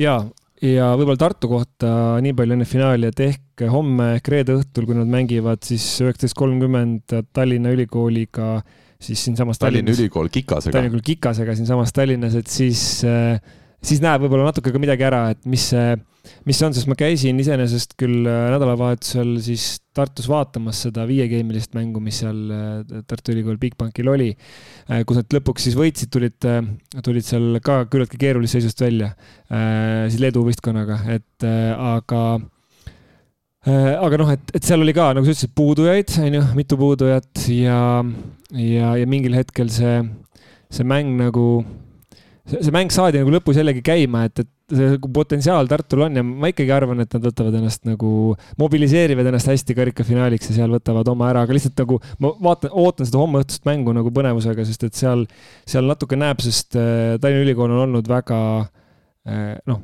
korralikus äh, löögihoos ja nüüd, kui seal Merilin Paalo on ka juures, et siis, siis vaatame äh,. Alar, ma arvan, et Mihkel, sa ootad valet asja. pühapäeval neliteist null null Audentese noortekoondis Tartu Ülikool Bigbank ehk meil on enne karikafinaali, karikafinaal ju korra täpselt samade naiskondade esitluses mängitav sel pühapäeval. ehk siis äh, seal me näeme väga selgelt ära, et äh, küll okei okay,, üks mäng aga mõned päevad hiljem täpselt samad naised on finaalis uuesti vastu. ma, ma arvan, et see ei näita selles mõttes midagi, et kui seal Tartu võtab kindla kolm-null võidu, siis ma, mina ütleks, et see tõstab hoopis Audentese šansse finaaliks. Jah, aga ta näitab nagu mänguliselt ikkagi, ma ei usu, et kunagi läheb seda mängu nagu lihtsalt võtma, et sa ei saa ka enesekindlust vastasele anda, tehes midagi halvasti või poolikut. pigem ma olen Kõõnikuga rääkinud, aga mina sätiks küll selle fookuse kolme mängu puhul sellesse pühapäevasesse mängu jah, mingis mõttes nõus, samas ma toon siin jalgpalliparalleeli, kuidas kolmapäeval, ühe nädala kolmapäeval võitis Flora Levadiat viis-üks ja siis eh, pühapäeval ei olnud sellest nagu midagi järgi, et, et see noh, see natuke on see, natuke on see teema, aga, aga me noh. ei, me ei mängi lumes tähtsaid mänge, lihtsalt saad, meil on ikkagi, loeb see, kes on eh, parem eh, oma erialal, ehk siis sellel spordialal võrkpallis. jumal tänatud, et teil katused peal on nagu nende väljakutel. Teil jälle katus sõidab. aga Raigo, mis sina finaalist arvad? Sa mõtled Flora ja selle Levadio ei, ma pean ühe ülestunnistuse tegema ausalt siin, enne kui lähme edasi, et, et äh, mitu mängu ma olen käinud vaatamas Eesti meistriliiga meestemängu ja mitu jalgpallimängu see aasta olen käinud vaatamas äh, A Le Coq Arena'l, et nii palju, jah? et äh, pigem äh, võrkpalli pole kahjuks vaatama jõudnud meeste oma, aga jalgpallis olen käinud nii Flora mänge kui Eesti koondise mänge, ma arvan, viis-kuus korda. oled sa jalgpallisõber, on sul keegi sugulane tuttav jalgpalliga seotud? Ei ole, tähendab, väike poiss mängib mul, see Andero mängib nii võrkpalli kui jalgpalli ja, ja õnnestus ka seal Flora esimest mängu sealt loosist isegi vaadata, et, et oli päris vinge tegelikult no Raigo on äh, normaalne Eesti inimene, sest et nagu, kui me vaatame statistikat, siis noh, jalgpallihuvilis on lihtsalt nii palju, et midagi teha ei ole. oota, kas sa käisid seda lumejalgpalli ka vaatamas või? ei, lumejalgpalli kahjuks no, ei käinud jah no,. ja see on, see lumejalgpalliga on hästi huvitav, et kui ma siin mõne ajakirjanikuga ka rääkisin, et Ähm, et äh, kui see oleks olnud näiteks Belgradi partisaniga peetav euromäng, kus oleks lumi maha tulnud, siis oleks, äh, siis nagu kõik kinnitasid, et siis ma oleks võtnud seisukoha, et, et äh, väga hea, et lumi maha tuleb, see on, tuleb, et see on meile eelis. ja mitte poleks võetud seisukohta, et kuradi kalender, et, et miks me peame kahekümne viiendal novembril siin partisaniga mängima, et eks see sõltub natuke sellest, kui põnev on ja see viimane mäng Flora Levadia puhul oli see, et see põnevus keriti nii, nii ülesse, et lõpuks see lumi oli nagu selline teisejärguline. see oli nagu lõpuks teisejärguline mingis mõttes, et, et see oli nagu sihuke, et see oli nii sürr lihtsalt, see kõik oli nii sürr, et, et omamoodi pull, aga noh, me natuke, natukene kopeerime siin ilmselt äh, lähiriike, et neljandal detsembril oli Östersundis laskesuusa MK-etapp ja samal päeval mängis Östersundi jalgpalliklubi oma viimast mängu Rootsi kõrgliigas, nii et siuksed paralleelid. aga mul küsimus, kuna me võrkpallis ei saa kunagi selliseid küsimusi küsida, siis äh, kui lund sajab kõvasti, on hea kleepuv lumi, kas sa võib mängu ajal vastasvõistkonna mängijat lumepalliga visata ja takistada? No ikka võib, aga sellele järgneb kaart lihtsalt. kollane või punane? Äh, ma, ma arvan, et äh, esialgu kollane ja siis võib-olla. kohtnik ei näe. jah, sa viskad nii, et kohtunik ei näe võib-olla no,. eba, esialgu on ebasportlik käitumine ja siis peab kohtunik hindama, kas läheb üle ka vägivaldseks käitumiseks, siis on punane oleneb, kui tugevalt on lumepall tehtud. ja, aga ühesõnaga tulles võrkpallile tagasi, et tegelikult on see nädala lõpp päris, päris põnev ja, ja noh, ütleme sihuke minifinaal toimub tõesti ära, nagu Alar, Alar mainis, sest noh, tartlastel on kolm äh, mängu, eks ole, järjest, aga ma ei tea, ma arvan, et äh, ma ikkagi tahaks öelda, et, et tartlasena võib-olla, võib-olla ma olen kallutatud, aga et, et, et Tartu võtab selle, selle karikafinaali võidu ära, et eks me saame siin järgmises või ülejärgmises saates äh, seda, seda analüüsida siin ja, ja rääkida, aga, aga noh, see on üks väga hea asi, et sporti paberi peal ei otsustata kunagi. aga küll otsustatakse paberi peal, et aeg on minna saatega edasi. meil oli täna väga meeldiv rääkida siin naiste võrkpallist äh, tõesti pikalt ja, ja mulle tundub, vähemalt mulle endale hakkab oluliselt ka huvitavamaks muutumas Eesti naiste võrkpall, sest me juba kõik, ma usun ka saate regulaarsed kuulajad, teame siin kõrveleid ja igasuguseid põldmaasid ja tatrikke tänu sellele, et meil juba igas saates tuleb nendest juttu ja paari aasta pärast, mil nad jõuavad täiskasvanuikka, hakkavad mängima, ütleme loodetavasti ka kuskil välismaa klubides, vähemalt osad neist, siis on hoopis huvitavam, kuna me teame nende käekäiku juba noorteklassidest saati. ja see paari, see paar kuud tööd, mis ma siin Karliga olen teinud, hakkab nagu vilja kandma, et ma tulen iga kord saatesse, räägin jälle, kui põnevaid naiste meistriliiga või ka esiliiga mänge ma olen vaatamas käinud ja siis ta alguses ta vangutas pead, nüüd ta on järjest vähem hakanud pead vangutama ja nüüd ta juba tegi mingit statistikat siin nendest keskmistest vanustest ja rääkis mingitest mängijatest, et see see on nagu suurepärane areng kahe kuuga. ma lihtsalt ütlen vahele, et miks Mihkel siin on, ongi sellepärast, et ma teadsin, et see mees oskab naiste võrkpallist rääkida ja et meil on olnud saates probleem äh, naiste võrkpalli piisava teadmise osas, siis äh, see on olnud teadlik valik, Mihkel, ma ei kutsunud siia Eesti jalgpallist sind rääkima. mul on hea meel Karli üle ka, et kui ma seal seda, see, see Facebooki leht, mis sul on, see kakskümmend neli. ja Elu kakskümmend neli. elu kakskümmend neli seal jah, seal, et seal, kui seal alguses jah, et ikkagi viis artiklit meestest ja siis üks pisikene naiste oma, siis on juba natukene hakkab see tasakaalu seal juba minema. nüüd on juba mõte tasakaalust väljas, sest et naiste lugusid on rohkem, mul on lihtsalt äh, Kertu Laaki näol äh, lepitud kokku, et tema vastutab meil naiste liigade eest. nii et ka jah, portaalis on see kajastus kõvasti kasvanud. peabki olema, mehi on meil neli võistkonda, naisi on kaheksa mm. -hmm. kõik, kogu, kogu jutt. Alar, kas me üldse lähme meeste võrkpalli juurde täna, mis sa arvad? ma arvan küll, räägime tõsiselt spordist ka lõpuks oi, oi, oi, oi tahaks teada, mida sinu äh, naiskonna tegelased sellest lausest arvasid. Tartu võistkonna võrdõiguslikkuse volinik selle lause peale. aga võtame vahele kiiresti ära Pahvi ennustusrubriigi. kes võidab keda, kas sina oskad ennustada seda? spordiennustus portaalis Pahv, Pahv lööb pahviks.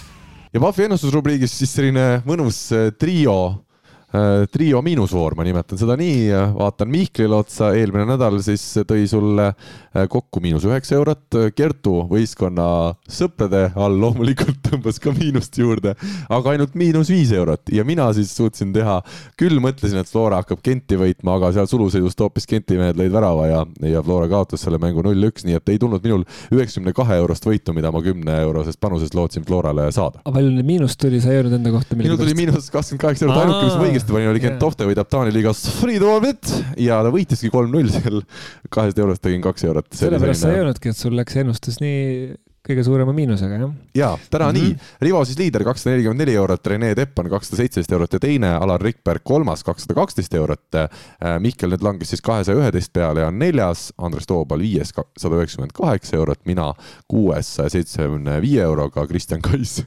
on seitsmes saja seitsmekümne euroga ja võistkond sõbrad, tähelepanu nüüd seitsekümmend kolm eurot on nendel alles jäänud sellest kahesajast, millega me kõik siis mängu alustasime. suurepärane näide sellest, et palun ärge tehke kunagi spordiennustust Alar, küsimus sulle, kas sa oled valmis ennustama uue nädala asju? otse loomulikult. ja ikkagi püsin võrkpalli juures. mõtlesin pikalt, kumba pidi panna. Poolas on äh, laupäeval plussliigast vastamisi Azteco Rešovia ja alur on Varta Zavjertše ja mõtlesin niipidi, naapidi, äh, loodan, et Timo Tammemaa koduklubi äh, Rešovia ja mu endine iseenda koduklubi äh, saab ikkagi oma mõõnast nüüd üle, võidab selle mängu ja koefitsient on täpselt kaks koma null null ja sinna ma panen kümme eurot. selge ja kuhu läheb ülejäänud sinu raha? ja ülejäänud kakskümmend läheb ka võrkpalli ja ka ühe Eesti koondise temporündaja peale ehk siis eh, neljapäeva õhtul on meil eh, meistrite liigas vastamisi eh, Bulgaaria klubi Bazardžik ja mängivad nad Friedrichshafeniga. ja Andrei Aganitsa koduklubi võidukoefitsient on üks koma kaheksa. aga Friedrichshafen on kehv olnud sel hooajal ju? mis siis, et on kehv olnud? selle Bulgaaria klubi näol on ikkagi tegemist mõnevõrra üllatajaga üks kahest meeskonnast, kes siis lisaks Lissaboni Benficale eh, meie vastasele meistrite liigas eh, jõudis eh, valikmängude kaudu üldse põhiturniirile. seal on üks Eesti võrkpallipublikule tuttav mängija, Tartu Bigbanki esindanud diagonaalründaja Brad Gunter. ja, ja nad mängivad korralikult, aga ma arvan, et Friedrichshafenil siiski on piisavalt kvaliteeti pluss nende viimane mäng äh, kohalikus Saksamaa liigas annab mulle küll julgust aimata, et, et see üks koma kaheksa on natukene liiga soe, soodne koefitsient, et mitte ära kasutada. nii, väga hea, ehk siis äh, ma kordan üle, Friedrichshafenil läks kakskümmend eurot ja üks koma kaheksa nende võidukoefitsient äh,. mida Raigo on meil leidnud? ei ole, ei ole veel, anname Mihklile sõna ja ma vahepeal äh, aitan, aitan Raigot. ja mina jääks siis traditsiooniliselt võrkpalli juurde, ehk siis äh, äh, klubide maailmameistrivõistlused on naistele.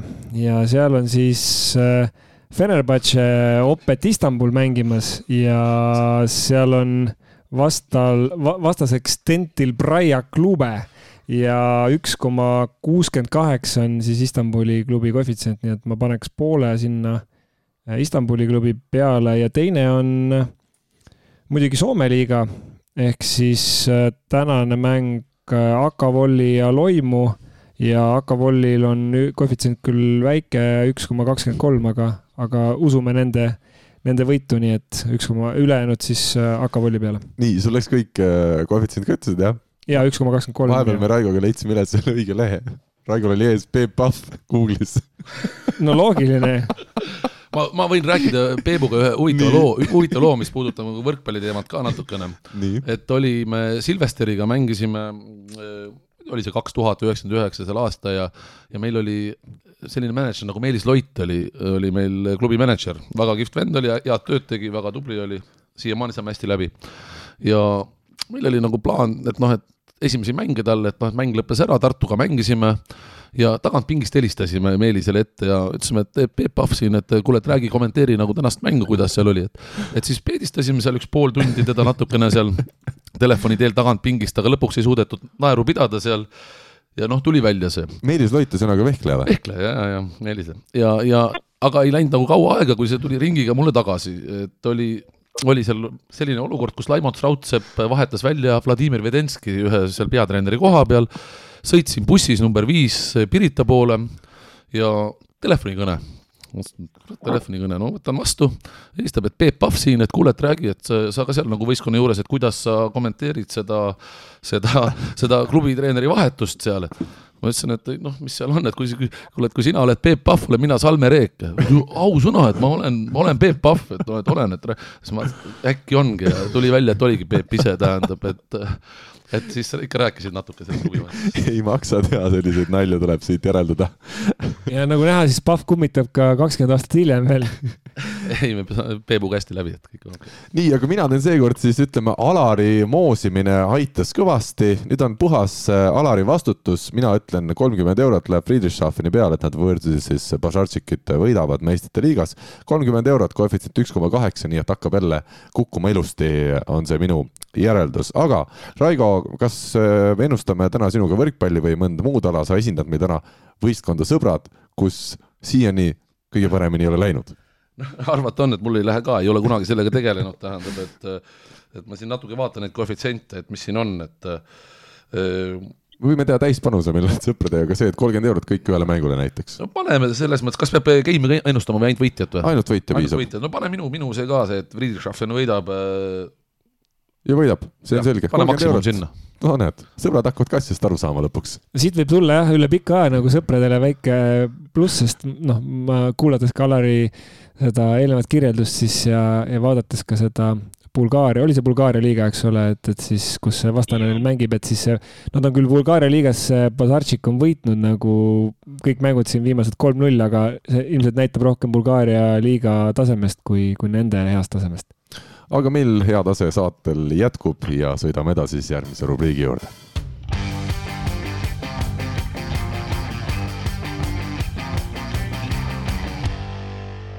ja nüüd hakkame rääkima siis meeste võrkpallist. me võtame ka Raigo siin ilusasti punti, sest ma eeldan, et mõne sõna ta ikka oskab juurde öelda, aga me alustame Alarist.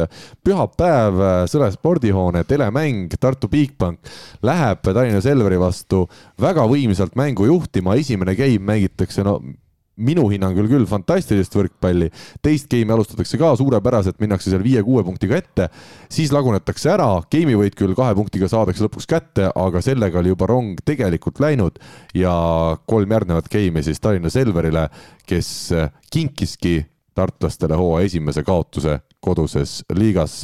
Tartu peatreener Alar Rikberg on meil täna stuudios. Alar, mis selles mängus siis nii valesti läks? Mm, jätsime võimalused kasutamata, et äh, see, millega Selver teises game'is mängu tuli, äh, ega me kehvasti ei mänginud. me teise game'i jooksul kokku tegime null rünnaku viga, lõime null korda plokki ja üle seitsmekümne rünnaku protsent. noh, sellist numbrit üleüldse isegi ühes game'is äh, näeb hooaja peale võib-olla korra-paar. et Selver hakkas ise mängima ja kolmandas game'is ma arvan, et see natukene nagu meie jaoks selline ehmatas hetk oli see, et mingi hetk ei hakanud pallid maha jääma. Selveri plokkkaitse toimis ilusasti, ega me ei teinud valesid otsuseid ja sealt lõi väikese värina sisse ja see ebakindlus kadus või kandus järjest edasi. me tulime ju välja kolmteist, üheksateist kaotusseisust. meil oli lüüa see pall, et oleks kakskümmend neli, kakskümmend neli ületulev pall. Lisaks sellele oli seal veel üks kaitsepall lihtne ära tuua, lisaks seesama gamepall, mille lõpuks nad ära lõid, löödi kloki käte vahelt. et oli ta kindlasti selline punkti, kus see mäng ikkagi kolme game'iga ära otsustada. ja kui see ei õnnestunud, siis väga selgelt, kes on justkui tagaajaja, saab emotsiooni ülesse. Neil hakkas kõik õnnestuma ja meil hakkas kõik metsa kiskuma ja, ja nii ta lõpuks siis Selveri võiduga lõppeski. mida sa üritasid meeskonnale seal mängu käigus öelda või mida teha, et, et mitte lasta sellel mängul nii metsa minna, millised need käigud olid? oi, neid oli palju erinevaid alates sellest, et pea kogu koosseisu sai kasutatud, mõned mehed tulid vahetusest päris ilusasti sisse, teised jälle mitte nii väga hästi proovisime veidi taktikaliselt üht-teist muuta, võib-olla isegi veel rohkem ei pidanud ühest või teisest taktikalisest asjast kinni, aga, aga me oleme korduvalt sellest rääkinud, et võrkpallis väga palju sõltub sellest, kuidas see mäng jookseb. ja Selveri mäng hakkas lihtsalt jooksma hästi. ja nad hakkasid õnnestuma ja ongi ääretult keeruline pidurdada. ja see mäng, mille nad jooksma said, see ei lõppenud ju äh, pühapäeval ära see jätkus ka karika teises poolfinaalis mängus äh, TalTechi vastu. sest seal ikkagi täielikult ju domineeriti, see oli ikkagi selge kolm-null edu ja kui meie vastu mängiti veel niimoodi, et Oliver Orav oli pingi peal, äh, siis äh, ei ole mõtet varjata, et praegu ongi Selver nii heas vormis, et nemad on karikafinaali favoriit. sest neil on kõik mehed olemas. ma olen päris veendunud, et nüüd nädalavahetusel, kui Selver mängib uuesti TalTechiga, Kredit kakskümmend neli meistrite liiga raames, siis Andres Toopal ei lähe tulemuse peale mängima. väga võimalik, et ta annab jälle Oliver Oravale puhkepäeva, äh, hoides teda karikafinaaliks. Äh, võimalik, et võib-olla mõnda meest veel vaatab, säästab, kui on võimalik. ja täna on Selver tõusnud selle hooaja tippvormi. meie võib-olla jälle kirjastel põhjustel ei ole jälle tippvormis hetkel see oli nüüd väga huvitav äh, lause sinu poolt, et sa nimetadki Selverit juba favoriidiks. Äh, räägi siis täpsemalt, milline seis teil võistkonna sees on, ma tean, Martti Juhkam oli siin äh, haige ja, ja seetõttu ta ka mängu keskel kolmandas skeemis välja vahetati. milline on Marti seis ja milline on üleüldine võistkonna tervislik seis täna? üleüldine seis on kehva. ma ei hakka nimesid nimetama, aga nii haigusi kui vigastusi on piisavalt ja kui Aavo Keel oli oma võistkonna osas selline nukker, et nii väheste meestega peab trenni tegema, siis eh, mul on neid trennis veel vähem. palju sul neid on siis täna? no näeme, kui õhtu jõuab, ma arvan, et me teeme täna kuuekesi trenni. nii et siin on ikkagi, kas mingi see viiruse laine on siis üle võistkonna käimas, jah? jah, seal on erinevaid asju ja, ja ääretult keeruline sellest välja tulla. vaatame, mis seisus me järgmise nädala kolmapäevaks oleme nii et kokkuvõttes võib öelda, et nii Tartu Ülikool Bigbankil kui ka Tartu Bigbankil on äh, enne kodust finaali seis mitte kõige parem. Äh, ma küsin su käest sedasi, enne veel, kui me muid asju räägime, kuidas nüüd ikkagi Gert Toobali seis on? kas ta on viimased nädal aega saanud trenni kaasa teha, kas tema on üks nendest meestest, kes sul näiteks täna õhtul ka kuueses pundis on ja trenni kaasa teeb? jah, Gert tuleb täna trenni äh, tänu mõningatele ärajäänud treeningutele Gert ei saa teha sellises mahus, nagu me planeerisime lihtsalt teisi nimi ei ole. aga ta on juba mõnda aega teinud sisuliselt kõiki asju kuuikutes kaasa löönud. kui mul on vaja, siis on ta karikafinaalis algkoosseisus. kas sul on vaja? seda ma näen kahekümne teise detsembri õhtuks kas see on selge, et Gert Toobal on ikkagi karikafinaalis mängijana üles antud, see on täna, seda võib ju täna öelda, kui nüüd mingit imet ei juhtu Gerdiga, et tal mingi vigastus veel tekib? kui midagi ei juhtu, ma pigem julgen öelda jah, selline kaheksakümmend, kakskümmend selle poolt, et äh, Gert on selle neljateistkümne hulgas, kelle ma mängule üles annan. see muidugi tähendab seda, et kuna mul on viisteist mängijat, siis keegi peab välja jääma. aga noh, selliseid otsuseid ei ole mõtet liiga vara teha. ootame seda päeva, kui on vaja need neliteist nime üles anda ja siis saab selle otsuse teha. Alar, kas seis on tõesti nii kesine, nagu sa nagu sa ütled ja su häälest võib praegu tunda, et sa oled alati sellise äh, konkreetse ja siira ütlemisega, et või on see selline natukene selline mäng ka juba, et võtaks endale natuke pingeid maha, et, et, äh, et annaks, annaks, pakuks pingeid nagu vastasele seekord? ei ole nagu keerutamine selle poole pealt, et kolm planeeritud trenni on juba ära jäänud. täiesti ära jäänud, jah? Ja, ja ei välista, et neid jääb veel rohkem ära. ehk siis me ei ole saanud ja me ei tegele karikafinaaliks valmistumisega, me tegeleme siin praegu päästmisega mm. -hmm. mida see tähendab, sa ütlesid viirushaigus, kas see tähendab, et te olete suhelnud ka mingisuguste arstide, doktoritega, kes annaks teile äh, täpset äh, arusaama, kuidas neid mehi peaks ravima, et nad võimalikult kiiresti oleksid tagasi? Mm, jah, ikka, aga tegemist on, meil on küll kordamööda järjest iga päev keegi jälle läheb Covidi testi tegema. Õnneks on need testid seni kõik negatiivse vastuse saanud et eh, tegemist on teiste viirustega. samas on päris naljakas, et kui, kui kahtlustad ühte ja on osadel mängijatel väga selged sümptomid, siis eh, äkki järgmine päev on hoopis järgmiste sümptomitega mängijad. Hmm.. et, eh, et võib, et siin võib olla täiesti nagu erinevaid viirusi. Ja noh, nüüd jõuamegi selleni, et me oleme selle koroonaga haiguste osas tõstnud kuninga staatusesse aga olgu see ükskõik mis muu viirushaigus, võtab ju inimesi pikali samamoodi kui nii edasi läheb, et kas teoreetiliselt on võimalik, et ma ei tea, karikasõna lükkub edasi siis, kui te ei saagi võistkonda kokku näiteks? ma jään vastuse võlgu, sellepärast et regulatsioon on paika pandud äh, selle kohta, et äh, mis juhtub siis, kui koroonaviiruse tõttu ei saa võistkonda kokku. teistsugustest haigustest või põhjustest ei ole minu teada regulatsioonis punkte, seda tuleks hakata siis, kui järgmisel nädalal on veel sama hull olukord, siis tuleks hakata alaliiduga läbi rääkima. mis su sisetunne ütleb, kas järgmine nädal on sama hull olukord või tundub, et hakkab, pigem hakkavad mehed terveks saama? no mu sisetunne on selline, et äh, meil on päris palju, kuidas ma nüüd ütlen, päris tõsiseid spordimehi. et pigem nad äh, tahaksid juba praegu pooltervena trenni teha et küll nende organism ära taastub ja vähemalt sellise kriitilise massi, et mul väljaku jagu mängijaid oleks, me saame ikka kolmandaks kokku. milline on täna kvaliteet Gert Toobali tõstetes, kas ta on täna juba trennis äh, täpsem kui, kui kaks konkurenti või mitte? Äh, mitte juba täpsem, vaid on pikka aega olnud täpsem, sest Gert on siin äh, kuu aega teinud rõngaste söötmist. ma arvan, Gert on oma tõste täpsusest parem kui enne vigastust sest ta on seda nii palju trillida lihtsalt saanud ja ei ole harvad sellised juhused, kus me ikkagi kümnest pallist üheksa läbivad rõnga. et eh, tõsta täpsuse taha ei seal mitte midagi, küsimus teised elemendid. kuule, Alar, ma küsin ka ühe küsimuse veel eh, meeskonna kohta, et eh, tükk aega nagu meestest eemal olnud, et kui sul on nagu normaalne trenni, trenninädal, palju sul on nädalas treeninguid, tähendab, ja, ja kui ütleme, kui on nädalavahetusel kaks mängu, palju treeningute arv tuleb nädalas? Kõige klassikalisem on niimoodi, et äh, sõlt-, kui on kaks mängu, mida on palju, äh, siis on kaks jõusaali, viis palli, äh, pluss mängupäeva hommikune kuus palli ja kaks mängu mm. -hmm. väga harva ma teen niimoodi, et kui on kaks mängu, eriti kui nad on järjest, et ma teeks mõlema mängu eel hommikul pallid veidi. kui aga on nii, nagu näiteks eelmine nädal, siis oli küll mõlema eel. ehk jah, ütleme, et kahe mängu nädal keskmiselt kuus pallitrenni, kaks jõusaalitrenni, kui ei ole nii palju mänge, siis prooviks teha kolm jõusaali selle võrra ühe vähem palli mm. -hmm.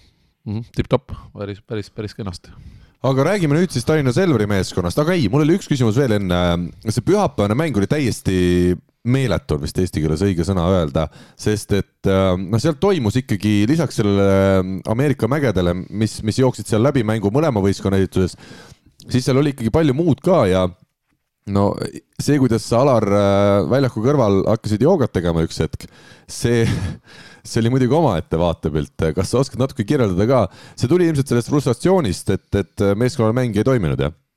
Äh, olukord oli selline, et meil jäi üks kaitses üks hani toomata ja selline hani, mis ei peaks maha jääma. ja ma ise imiteerisin täpselt seda madalat kaitseasendit, mis oleks äh, tekitanud, siis ma olin seal maa ligi ja mõtlesin, ma istun korra maha ja puhkan ja mõtisklen selle üle ja see meditatsiooni hetk oligi selleks, et nuputada välja, kuidas me selle kaitse nagu tööle saaksime. Aga õige hetk pärast seda, paar sekundit hiljem, kui anti uus vile, siis eh, teise kohtuniku poolt tuli mulle signaal, et ma ei tohi istuda. ja kästi mind püsti tagasi, et muidu ma oleks võib-olla natuke pikemaltki seal nuputanud oma asju. võib-olla siiani et päris nii pikalt, aga kusjuures ega ma ei teadnudki seda reeglit, tõesti, äh, kui treener tahab istuda, peab ta pingi peal istuma, väljaku kõrval tohib ainult seista või kõndida. joosta ei tohi? Vot seda ma ei oska öelda, ma arvan, et tohib ikka, eriti kui pall sinu suunas tuleb, siis ei tohi täiesti ära jõuda. Alar, mina sain eelmine aasta, eelmine, eelmine nädal sain targemaks ka ühe reegli võrra, vaata, sa võib-olla tead seda reeglit paremini, et ma nüüd ei tea, kuidas meeste puhul on, kellel on pikad patsid, vaata mõnel mängijal seal ka, et et kui pats võrku läheb, et kas see on okei okay või ei ole, et kas mäng läheb edasi või? mina mäletan, ma vaatasin seda reeglit, ma uurisin ükskord selle kohta, kuidas see õige vastus oli, oota, kas Alar teab või?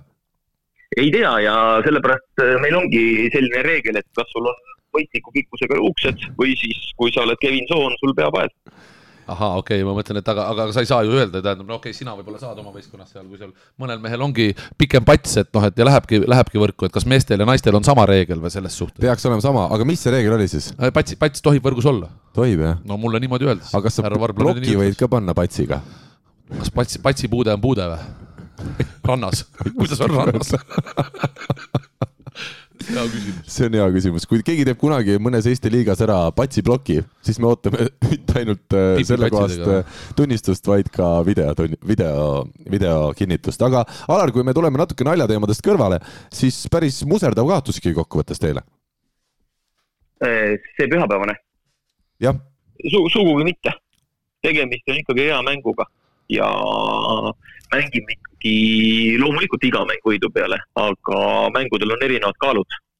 et kui sa vaatad kokkuvõttes, mis juhtus, üks võistkond sai tabelisse kaks punkti, teine võistkond sai tabelisse ühe punkti, et eh, see ei olnud mingisugune suurt maailmakorda muutev tulemus aga seesama, et te mängite ju Selveriga finaalis ka nüüd ja meestel võib olla seal mõistuses või, või ajus ju teatud lüngad nüüd sees, kuna, kuna Selverilt selline, selline kaotus äsja enne finaali saadi loomulikult võib see mõjutada, aga see on juba nüüd minu töö, kuidas oma võistkond parimasse vormi viia järgmise nädala kolmapäevaks. et me oleksime konkurentsivõimelised ja et me mängiks oma parimat mängu jälle. aga Ala... ma tulen ikkagi selle juurde tagasi, et Selver on praegu tõusnud tippvormi. Ja kui me vaatame tegelikult kogu seda hooaega, hooaja esimene mäng, noh, hea küll, seal oli ju puudujaid veel palju, Lõhmus alles oli tulnud rannast, Orav ei mänginud, Johnson oli ka vigastusega audis ja me võitsime neid kolm-üks. pärast seda Selver sai ülikindlad võidud kõikjal, välja arvatud üks ebaõnnestunud mäng TalTechi vastu, kus nad siis kaotasid ja pärast seda täpselt samamoodi, pärast seda TalTechi kaotust on nad järjest võitnud ja võitnud ja võitnud. et tegemist ongi kõrge klassiga meeskonnaga, kes nüüd on ka jõudnud väga-väga heasse vormi mis äh, sellest võistkonnast hea võistkonna teeb, hakkame mängijatest rääkima mõne hetke pärast, aga mida on Andres Toobal teinud hästi, ma ei tea nüüd muidugi palju sa, Alar, saad siin enne karikafinaali neid äh, jutte meile avalikustada, aga milline on üldpilt, mida Andres Toobal treenerina on õigesti teinud? väga raske on öelda, sest ma ju ei tea seda protsessi seestpoolt. ma näen lihtsalt, kuidas nad mängivad ja ma näen seda lõpptulemust. et ma ei, ei saa ka öelda ju personaalselt üks või teine mäng, mängust mängu, need, kes on need punktitoojad või kes õnnestuvad või või kes ei õnnestu nii palju, need muutuvad. aga, aga kui sa võidad, siis järelikult äh, miskit on hästi. kvaliteet on olemas mina isiklikult kiidaksin ikkagi äh, siin mõnda meest konkreetselt ka äh,. no ütleme, Oliver Oravat me kõik teame, et ta on hea, aga ta on nendest põlveprobleemidest hoolimata olnud ka sel hooajal hea, kui ta on väljakul olnud. teiseks meheks kindlasti Mark Saru äh, ikkagi teinud sammu edasi, ta on, ta on selgelt võimsam, ta jõuab plokk ilusasti kohale, ründab julgelt, küll tuli siin eilses karika teises poolfinaalmängus ka omajagu vigu sisse rünnakule, aga kokkuvõttes Mark Saru seni Grade kakskümmend neli Balti liigas Eesti karikavõistlustel, ma julgeks öelda, et kõige silmapaistvam temporündaja. Alar, kas sa oled nõus selle väitega? loomulikult. mis on muutunud temaga siis äh, kahe hooaja vahel, ta ei olnud eelmisel aastal nii võimas eks eelmisel hooajal oli ka teatud selliseid hetki, aga eelmisel hooajal lihtsalt eh, meeskonna ülesehitus oli hoopis teine ja rünnaku koormus jagunes eelkõige nurgaründajatele, kes siis olid sõltuvalt mängust Raadik, Kollo, Orav ja diagonaalründaja Teppan. ja väga keeruline on särada sellises võistkonnas, kus on sul niisugune seltskond ründajaid ümber. tahes-tahtmata sidemängija annab sinna rohkem tõsteid ja nüüd on eh, see ümbritsev keskkond muutunud ja tema on tänu sellele esile kerkinud. selles pühapäevases mängus siis äh, sai viie game'iga kakskümmend üks tõstet Mark Saru ja eile kolme game'iga neliteist tõstet. Mõlemas mängus, kui ma ei eksi, sai ta tõsteid rohkem kui Losnikov, vähemalt teises mängus kindlasti sai ta rohkem tõsteid kui Losnikov, kes on siis nurgaründaja ja justkui oma positsiooni järgi peaks saama rohkem tõsteid, aga jah, niikaua kui mäng toimib ja, ja meeskond selle eilse mänguga kolm-null võitis, ei ole vist kokkuvõttes vahet, kellele kui palju tõsteid läheb. Ja Deniss Losnikov tegelikult ongi veel siin Timo Lõhmusega järgmised mehed, keda ma samuti kiidaksin, et et, et Losnikov on oma asjad teinud hästi ära ja vähemalt Eesti liigas on ta ka rünnakul saanud hakkama, kui me teame, rahvusvahelisel tasemel ikkagi Losnikovi rünnak jääb paratamatult natukene liiga lahjaks, siis äh, siin Eesti liigas on ta rünnakul hästi tegutsenud, Alar.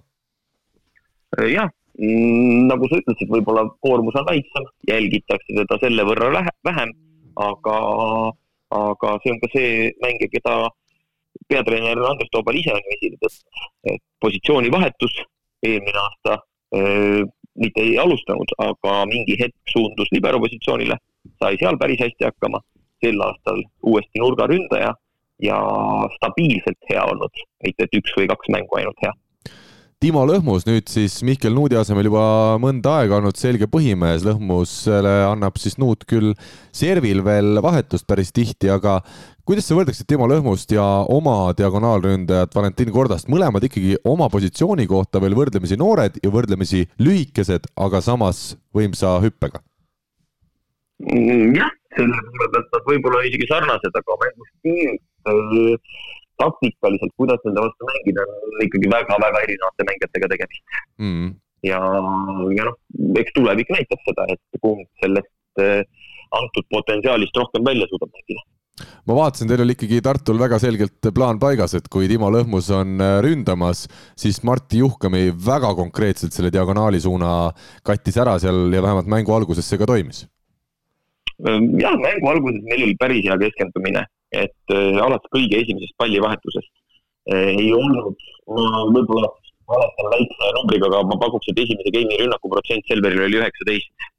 et ei olnud Selveril lihtne saada mitte kuskilt punkti. et me pidasime oma asjadest, meil oli väga hea keskendumine ja eks see ka mõjutab, et äh, võib-olla sellisel hetkel sa mõtled, et tulebki nii lihtsalt. ja kui mõelda, mida me enne seda Selveri mängu olime teinud siis me olime riburada pidi järjest kõik mängud kindlalt kolm-null võitnud. et ei olnudki ühtegi sellist äh, väga tasavägist mängu, üks tasavägine geimi lõpp Pärnuga karika poolfinaali kordusmängus, aga surve all me ei olnud väga-väga pikka aega üldse mänginud. Mm aga noh, siin tegelikult võiks esile tuua austusest Selveri meeskonna vastu ka libero Sten Vahtrase temporündaja Mihkel Varblase, sest tegelikult ka nemad on siin viimastes mängudes mõlemad hästi tegutsenud ja no Rene Vanker on selline teatud kindla kvaliteediga sidemängija, kellel on tulnud tänavusel hooajal veel ootamatult mõned sellised väga kehvad perioodid sisse, aga kokkuvõttes Vanker on korralikul tasemel, ega muidu see Selvergi ei võidaks vist, Alar? Äh, jah, mil, see jõudsin lõpuks selleni, millest ma alustasin. et äh, kui küsida nimesid või midagi, siis tegelikult me peame rääkima võistkonnast. võistkond võidab, kõik lülid toimivad ja ei ole niimoodi, et äh, üks mees taoks iga mäng kolmkümmend punkti ja veaks sellega võistkonda. kui me vaatame vastast, siis TalTech ju selgelt, millega karika poolfinaalseerias seal alt läks, oli see, et Schmidli panus ei olnud selline, nagu ta oli võib-olla varem olnud. teine rünnakuliider Kevin Saar täpselt samamoodi, ei olnud isegi võrreldav mitte sellega, mis äh, mängu ta vahepeal näitas. ja kui sul need liidrid ära kadusid, siis mujalt äh, ei tulnud piisavalt äh, tuge jah, me jõuamegi nüüd äh, rääkida mõne sõnaga sellest eilsest äh, karikavõistluste poolfinaali teisest mängust, kus siis teile, tartlastele, vastust või vastast oodati. Tallinna Selver, kes oli esimese mängu võitnud võõrsil kolm-kaks, võitis nüüd teise mängu TalTechi vastu ülikindlalt kolm-null. ainus hetk, mil seal üldse põnevaks läks, oli kolmanda game'i keskel, kus tundus, et Selver hakkas juba mõtlema, et äh, mis kell starditakse järgmisel nädalal Tartu poole finaali mängima, siis Oliver Orav oma võimsa pallinguseeriaga päästis mängu ikkagi ära ja, ja kindel kolm-null sealt kokkuvõttes tuli. aga nagu sa juba ütlesid, äh, Kevin Saar, Matei Schmidel olid äh, iseenda hallid varjud ja samamoodi Rasmus Meius, nii et kolm põhiründajat, kõik efektiivsusnäitaja miinuses ja noh, sellist kehva päeva ühe võistkonna poolt ja veel TalTechi poolt, kus ju kogenud mehi nagu peaks ka jaguma, minu jaoks oli suur üllatus. Alar, kas see sinu jaoks oli ka üllatus? Jah, ühtepidi üllatus, teistpidi täpselt nii hästi sa mängid, kui hästi vastane sul mängida laseb. ja Selveril oli stabiilselt kogu aeg surve. olen nõus, et kolmandast geimist TalTech ärkas, korraks tekkis lootus ja siis tuli Oliver Orava serviseeria ja oli jälle kõik, võistkond oli murtud mm. -hmm. et äh, Selver oli ikkagi stabiilselt hea ja ei lasknud Jarevaks sellel olukorral minna ja selle tõttu marsiti ka väga kindlalt finaali kusjuures TalTechi meestelt ka uurisin, et milles siis probleem oli, et nüüd nii kindlalt see teine mäng tappa saadi. Ja samamoodi tundub nagu Alar sinul tartlastega, nii on ka TalTechil selline mingisugune haiguselaine sees, kellel on nohu, kellel on köha ja ei olnud sellist, tundub lihtsalt enam jõudu äh, suhteliselt tihedas mängugraafikus äh, seda, seda eilset mängu hästi mängida ja, ja, ja Selver pani kohe käigu sisse ja, ja ei suutnudki TalTech sellest välja tulla, nii et TalTechi jaoks hooaja algus justkui oli ju iseenesest väga ilus, aga nüüd, mil on hooaja esimese poole kulminatsioon käes, on nad ikkagi finaalist välja jäänud ja me ei saa öelda, et TalTechi hooaja esimene pool oleks seetõttu ka korda läinud, et selge eesmärk neil oli finaali pääseda, aga aga milliseid mõtteid Mihklis ja, ja Raigos äh, see meeste finaal tekitab ja, ja see poolfinaal seejärel lõpp, no ma tean, Mihkel on alati naistemängudel, kui meeste mängud käivad, aga näed, keegi, Mihkel, kui ma tuleks ka neid kõiki naiste mänge vaatama, siis äh, kes meil üldse meeste võrkpallist siin saates räägiks? tavaliselt on need eri aegadel, eile oli jah, selline väike erand, aga ma, ma pigem jah, noh, see poolfinaal oli oli nagu eilne oli selge ja, ja kiire, ma vaatasin need numbrid, numbrid ka tagantjärgi üle mängu ei näinud, aga ma pigem hakkasin, noh, selle finaali peale ikkagi rohkem mõtlema, et kui ma seda Alari juttu siin, siin, siin kuulsin, et see seis on nagu ikkagi noh, päris, päris kummaline nagu enne seda, et, et, et Tartu, kelle kohta me oleme viimased kuud rääkinud ju ikkagi väga ülivõrdes, sest et eurosarja mängud läksid äh, ma julgeks öelda, valdavalt hästi ja mängiti oma tase välja ja, ja mõne koha pealt ka rohkem, kui, kui oodati, siis nüüd järsku äh, hooaja esimese tiitli eel, karikavõidu eel või karikafinaali eel on tekkinud. karikavõidu eel või? no karika, selles mõttes, et kes, kes saab selle karikavõidu, et selle väljajagamise eel on tekkinud selline no nagu tõrge Tartul, et et, et see ajastus on nagu päris, päris, päris kehv ja samamoodi võib siis öelda Andres Toobali juhendatavale Selverile vastu, et nende vormiajastus on väga hea olnud, kui nad siit ka karikavõiduni jõuavad. muidugi jõub, jõuab veel nädalaga ka palju juhtuda. koroonad ja kõik asjad nagu, et siin noh, praegusel ajal ega me ei jah, paar päeva ette julgeda ainult siin plaane teha, et aga Äh, aga jah, pigem nagu see tekitab kummastust, sest et ähm, vahepeal tundus ikkagi, et nagu Tartut ei murra sel aastal miski. Äh, Raigo, kellele sina hoiad tänavusel hooajal neljast Eesti klubist pöialt, kas sa üldse hoiad kellelegi pöialt? jah, eks ta neid vähe on, neid, kellele pöialt hoida, et selles mõttes siin tuleb kindlasti kiiremas korras midagi mõtelda, et see nelja võistkonnaga Eesti, Eesti liiga on ikkagi tegelikult väga-väga-väga väike, et et mida siin edasi teha, ma tean, et siin need liigajuhid ja need on ise samamoodi mures, et see liiga on väga väikseks läinud ja olgu, et need neli, neli on väga kvaliteetsed äh, võistkonnad, kõik on okei okay., aga see peab olema seal kuus-kaheksa, noori rohkem juurde kaasama, kuidagi, mingi, mingi teema peab olema seal, et et nii ei saa jätkata, ma arvan. aga mis selle puudutab... nädala esmaspäeval oli juba äh, alaliidu ja liigas osalevate klubide koosolek, kus sel teemal räägiti pandi paika ideed ja mõtted, kuidas edasi minna, mm. et äh, järgmisest hooajast suurendada äh, võistkondade arvu kuue või kaheksani. ehk siis äh, see asi on käima lükatud ja nüüd on lihtsalt vaja sisulist tööd teha, nende potentsiaalsete liitujatega kohtumised, sealt edasi omavalitsused, sponsorid, kõik muu osa, et see ei ole nagu kellelegi üllatus ja tõesti, et alguses planeerisime seda nüüd karikafinaali ajaks, aga siis tegime veel kiiremini selle omavahelise arutelu juba ära. mis, saad sa avaldada siis, Alar, et mis see plaan on?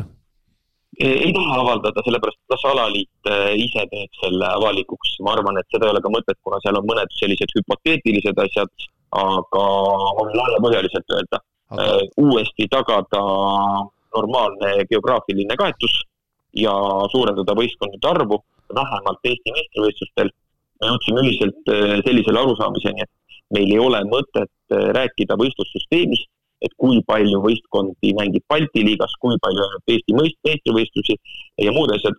enne on vaja teada, kui palju üldse potentsiaalselt on kõrgemal tasemel mängimisest huvitatud äh, klubisid. Ja siis tuleb hakata järgmise etapina mõtlema selle peale, et milline on Balti liiga formaat, milline on Eesti meistrivõistluste formaat aga, aga, aga mõtleme siin omakeskis, näiteks mul ei oleks ka aimu, kes võiks olla järgmine aasta siin veel meeste liigas juures, et minu no Viljandi minu, kindlasti, ma arvan. minu, minu arvamus on ka Viljandi võiks üks olla, kes võiks olla, natuke täiendada oma ridu veel ja võiks olla. aga see ongi nüüd see küsimus, sa ütled natukene täiendada ridu. kogu austuse juures, kogu selle Viljandi võistkonna vastu, Meelis Kivisild jah, on meistriliiga tase paneme Markus Velts on temporündaja, on meistriliiga tase. Siim Tammearu, noh, ka sealt meistriliigas saaks hakkama ilmselt vähemalt tagumises pooles jah, aga noh, et see peaks ikkagi meeskond muutuma väga kõvasti, et, et meistriliigas mängida. no aga siin võib teistmoodi küsida, see naiste näide, mida ka siin Raigo enne rääkis, et kas siis need tüdrukud, kes täna mängivad Viljandi, Rae, Biodiscovery, nende võistkondade eest, kas need, kas, kas me oleks nii-öelda aasta aega tagasi öelnud, et jah, need on valmis mängima nüüd mm. naiste meistriliigas, oleks pigem vangutanud pead olnud, et nad peavad Mihkel, juurde saama? Mihkel, Mihkel, me võrdleme võrdlematuid asju, naiste meistriliiga on Eestis täis amatöörne meestel on meil osad klubid ikkagi kas professionaalsed või poolprofessionaalsed. kui me paneme neljateistaastased, viieteistaastased poisid. sa ei ole asjast aru saanud no., Eestis ei ole mitte ühtegi professionaalset võrkpalliklubi. Eesti viimane professionaalne võrkpalliklubi oli Saaremaa. meil on heal juhul poolprofessionaalsed. igas võistkonnas on üle poolte mängijatest kas õppimas tööl mm., teevad seda poolamatöörina. vähemalt Ehk tasemelt siis... Äh, Tartu oli sel aastal professionaalne meeskond, luba mul, Alar, vähemalt sedasi arvata, see, kuidas te Kaasani seniidi vastu mängite, te olete tasemelt ja teil ei ole mitte midagi teha. no meil ei ole sellist olukorda kõik mehed tegelesid võrkpalliga, pool võistkonda tegeleb võrkpalliga. aga ma räägin tasemest, ma räägin tasemest selles suhtes, et kui panna nüüd mingisugused äh, noh, suhteliselt suvalised kujud mängima meistriliigat. minu küsimus, ma saan aru, mulle meeldib ka see, et laiendame seda, teeme seda meistriliiga suuremaks, mul ei ole selle vastu, ärge valesti aru saage, mitte midagi. aga minu küsimus on see, et mida minult ka paar võrkpallisõpra küsinud, me siin saates räägime, et laiendame, laiendame, laseme kõik peale, aga mis saab sellest tipust, me kõik tahaks nagu ikkagi ilusat ja head võrkpalli näha Eesti no, meistriliigas. aga Karl, kas me lõpuks jätame kaks võistkonda. et siis on kaks tippu on seal koos ainult, kas ainult kahest piisaks? ei no Karl on ju meil, Karl on meil tuntud-teada superklubi fänn, superklubi idee fänn siin. me oleme seda mitu korda arutanud, aga. ei, aga Alar, sa, ei no kas see küsimus on ju? no väga lihtne vastus sulle. tagasi selleni, millest ma rääkisin eelmise hooaja alguses. see on ebanormaalselt kõrge tase, kui me räägime võrkpalluritest, kes mängivad Eesti neljas või viies võistkonnas Eesti meistrivõistlusi ja Balti liigat seda taset ei tule vähemalt kümme aastat. see, millest ma rääkisin eelmine aasta. ja kindlasti ta nii ongi. ja need, kui sa küsid, kus on need tippvõrkpallurid, need tippvõrkpallurid mängivad maailma tippliigades. Eestis ei peagi mängima Eesti koondise mängijad. Sinu... teatud põhjustel no. üksikud võivad siia sattuda, aga ära, ära ütlemata rumal oleks arvata, et meie võrkpalli areng äh, rajaneb sellele, et meil on koondised, kes mängivad Eesti klubides. ei, see ei toimi no mina. me hakkame leiutamagi superklubi, kes mängib Venemaal või Poolas, sinna ka ei võeta, see ka ei toimi. isegi soomlastel pole huvi meiega liituda, ka see ei toimi. meil on Balti liiga, meil on Läti ja Leedu meeskonnad, Läti meeskondade eelmise aastaga võrreldes on kukkunud ja me jõuamegi lõpuks selleni, et vahet pole, mis on see tase. kui me mängime võrkpalli, see mäng on ise kaasahaarav ja võistkonnad omavahel on sarnase võitlusliku tasemega, nii nagu nad naistes täna on näha, on ja see on väga hea võrdlus, mille pärast me ei saagi mõelda selle peale, et Viljandi näiteks ei sobi meistriliigasse. kuidas ta ei sobi? osad mängijad on olemas, tuuakse juurde mängijaid, tehakse korralikult tööd. kust need tuuakse? aga Alar, kust need tuuakse, me, sa ise ütled, et need eestlased. esimene asi, noormängijad. tänu sellele, et tase viidi nii kõrgele, ei ole meil tulnud viimastel aastatel peaaegu üldsegi noormängijaid, sest nad ei mahu võistkondadesse. ja tõesti, ma ju eelmine aasta Tartus saatsin ka poole hooaja pealt treeningutelt kaks noort minema, sest nende tase ei olnud piisav, et konkureerida teistega ja nad tõmbasid keskmist trennitaset alla. aga see ei ole normaalne olukord, kus meie enda noored ei pääse isegi mitte pingile. me peamegi tekitama sellise taseme, kus nendel noortel oleks väljundeid olla kas esialgu pingil ja nendest silmapaistvamatel ka juba väljakul ja siis tekivadki need võrkpallurid, keda võib-olla praegu keegi ei tea ja väga rumal on ka sinu võrkpallisõpradelt küsida, et mis sellest tipptasemest saab. tipptaset ei olegi Eesti klubides.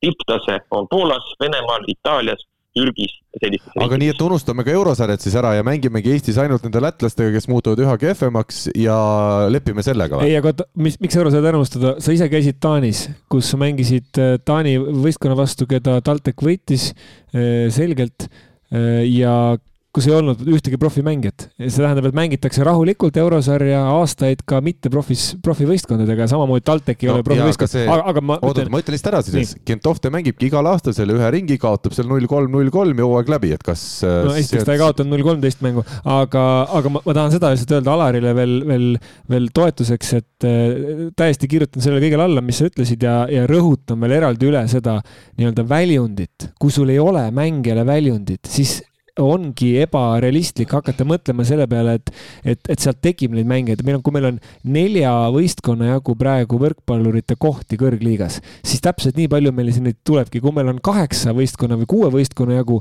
siis on ka vastav äh, pakkumine, et kui ma noorteklassist välja tulen võrkpallurina, et mul on mingisugune nii-öelda see tee või see püramiidi tipp, kuhu poole ma pürgin, aga kui mul seda ei ole, noh siis, siis, siis ma lähengi, õpetangi ära, lähen esiliigasse, ma, ma ei pääsegi sinna pildile ja ma ei arva, et nagu pikas perspektiivis see tasemele nii-öelda noh, halba teeb. pikas tasemele... perspektiivis ilmselt mitte, sellega ma olen nõus. aga, aga see, et olla paar aastat nagu nii-öelda kannatada selle, selle nimel on ju väga tark ja strateegiliselt tark otsus, arvan mina mina, mina mõtlen ka seda veel, et kui me siin noh, arutasime, et kes võiks olla tulija, et see on äh, Viljandi ja teine, keda ma peaks silmas, et okei okay,, las ta seal olla kuues-seitsmes võistkond seal taga, oleks vaja ikkagi see Audentese noortekoondis, tähendab, tuua ka sinna sisse. võib-olla, sinna tuleb veel paremad kutid, kelle, kui nad näevad seda väljundit, et see mängib meistriliigas, seal on kaksteist, kolmteist, neliteist poissi, nad ei ole tõesti esimene aasta võib-olla konkurentsis, teine aasta nad on juba tipp-topp seal ja võib-olla see nagu äkki äh, motiveerib veel rohkem sinna Audentesse tulema, et nad saavad seda tippvõrkpalli, seda profivõrkpalli nuusutada juba rohkem. see esiliiga, no jah, ma, mina, mina, mina arvan, et see, see, see tuleks läbi mõelda, et see, see võiks olla seal ja väga-väga nõus Raigoga, just seesama esiliiga nii-öelda keskkond, ma arvan, et see esiliiga keskkond ei ole selline, mis nii-öelda toetaks seda tippu pürgimist, et seal on ikkagi juba mängijad, kes on pigem teise ringi mängijad, et sealt nagu võib-olla mõne üksiku erandiga võistkondades praegu ilmselt Tartu võistkond on noorem ja ja samamoodi see noortekoondise enda võistkond on, on noorem, aga noh, kui puhtalt nii-öelda mehaaniliselt vaadata ta, Eesti kaarti, siis Saaremaa on, eks ole, praegu katmata, vanadest kantsidest Võru siis Rakvere ja noh, need on nagu ütleme kõrgliigas ja Järvamaa, eks ole, on kõrgliigas praegu katmata, aga noh, nii mehaaniliselt me ei saa nagu aga panna neid. see Audentese idee on minu arust väga hea, aga seal tegelikult tulekski nüüd mõelda, et kas need noored siis leitakse juurde, sest täna on esiliiga tabelis Audentese võistkond kaheksandal kohal alles. et kas on, seal on. siis leida üks, üks-kaks niisugust kogenuvat meest juurde, mida ma tean, korvpallis on rääki-, räägitud juba sada aastat, et, et seal ikkagi oleks ka mingisugune konkurentsivõime olemas.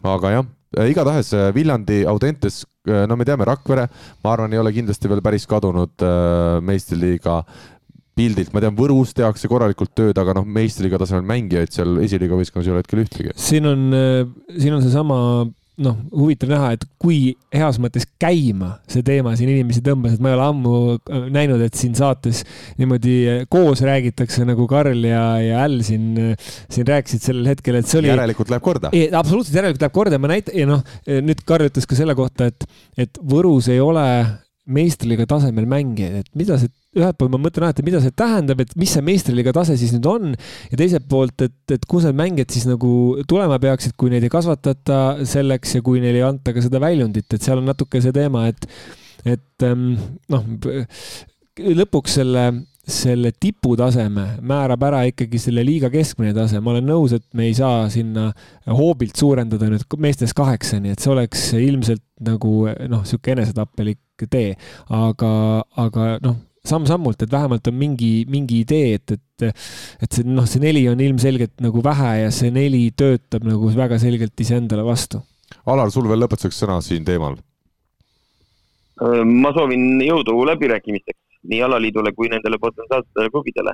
Ja loodan küll sisimas, et järgmine aasta võiks olla Eesti meistriliiga tasemel kaheksa võistkonda jah, ja, ja tõesti, head kuulajad, ärge valesti aru saage, minul ei ole mitte midagi selle vastu, et, äh, et Eesti meistriliigas oleks rohkem mängijaid, lihtsalt äh, küsimus on selles, et mingisugune tase vähemalt esimeste osas võiks ju olla ka selline, et me püüame Euroliigos pilki ja nii edasi, sest peab minu arust olema ka see vaheaste, et kuidas need välisklubid jõuavad Eesti mängijateni, et kui see Eesti liiga langeb täisamatöörseks, kust äh, ei hakkagi ükski agent vaatama, et kes siit Eestist tulevad, siis on jälle nagu teistpidi, et see peab kuidagi tasakaalus olema, et, äh, et see on see minu mõte, ma loodan, et Alar, sa saad ka sellest äh, aru.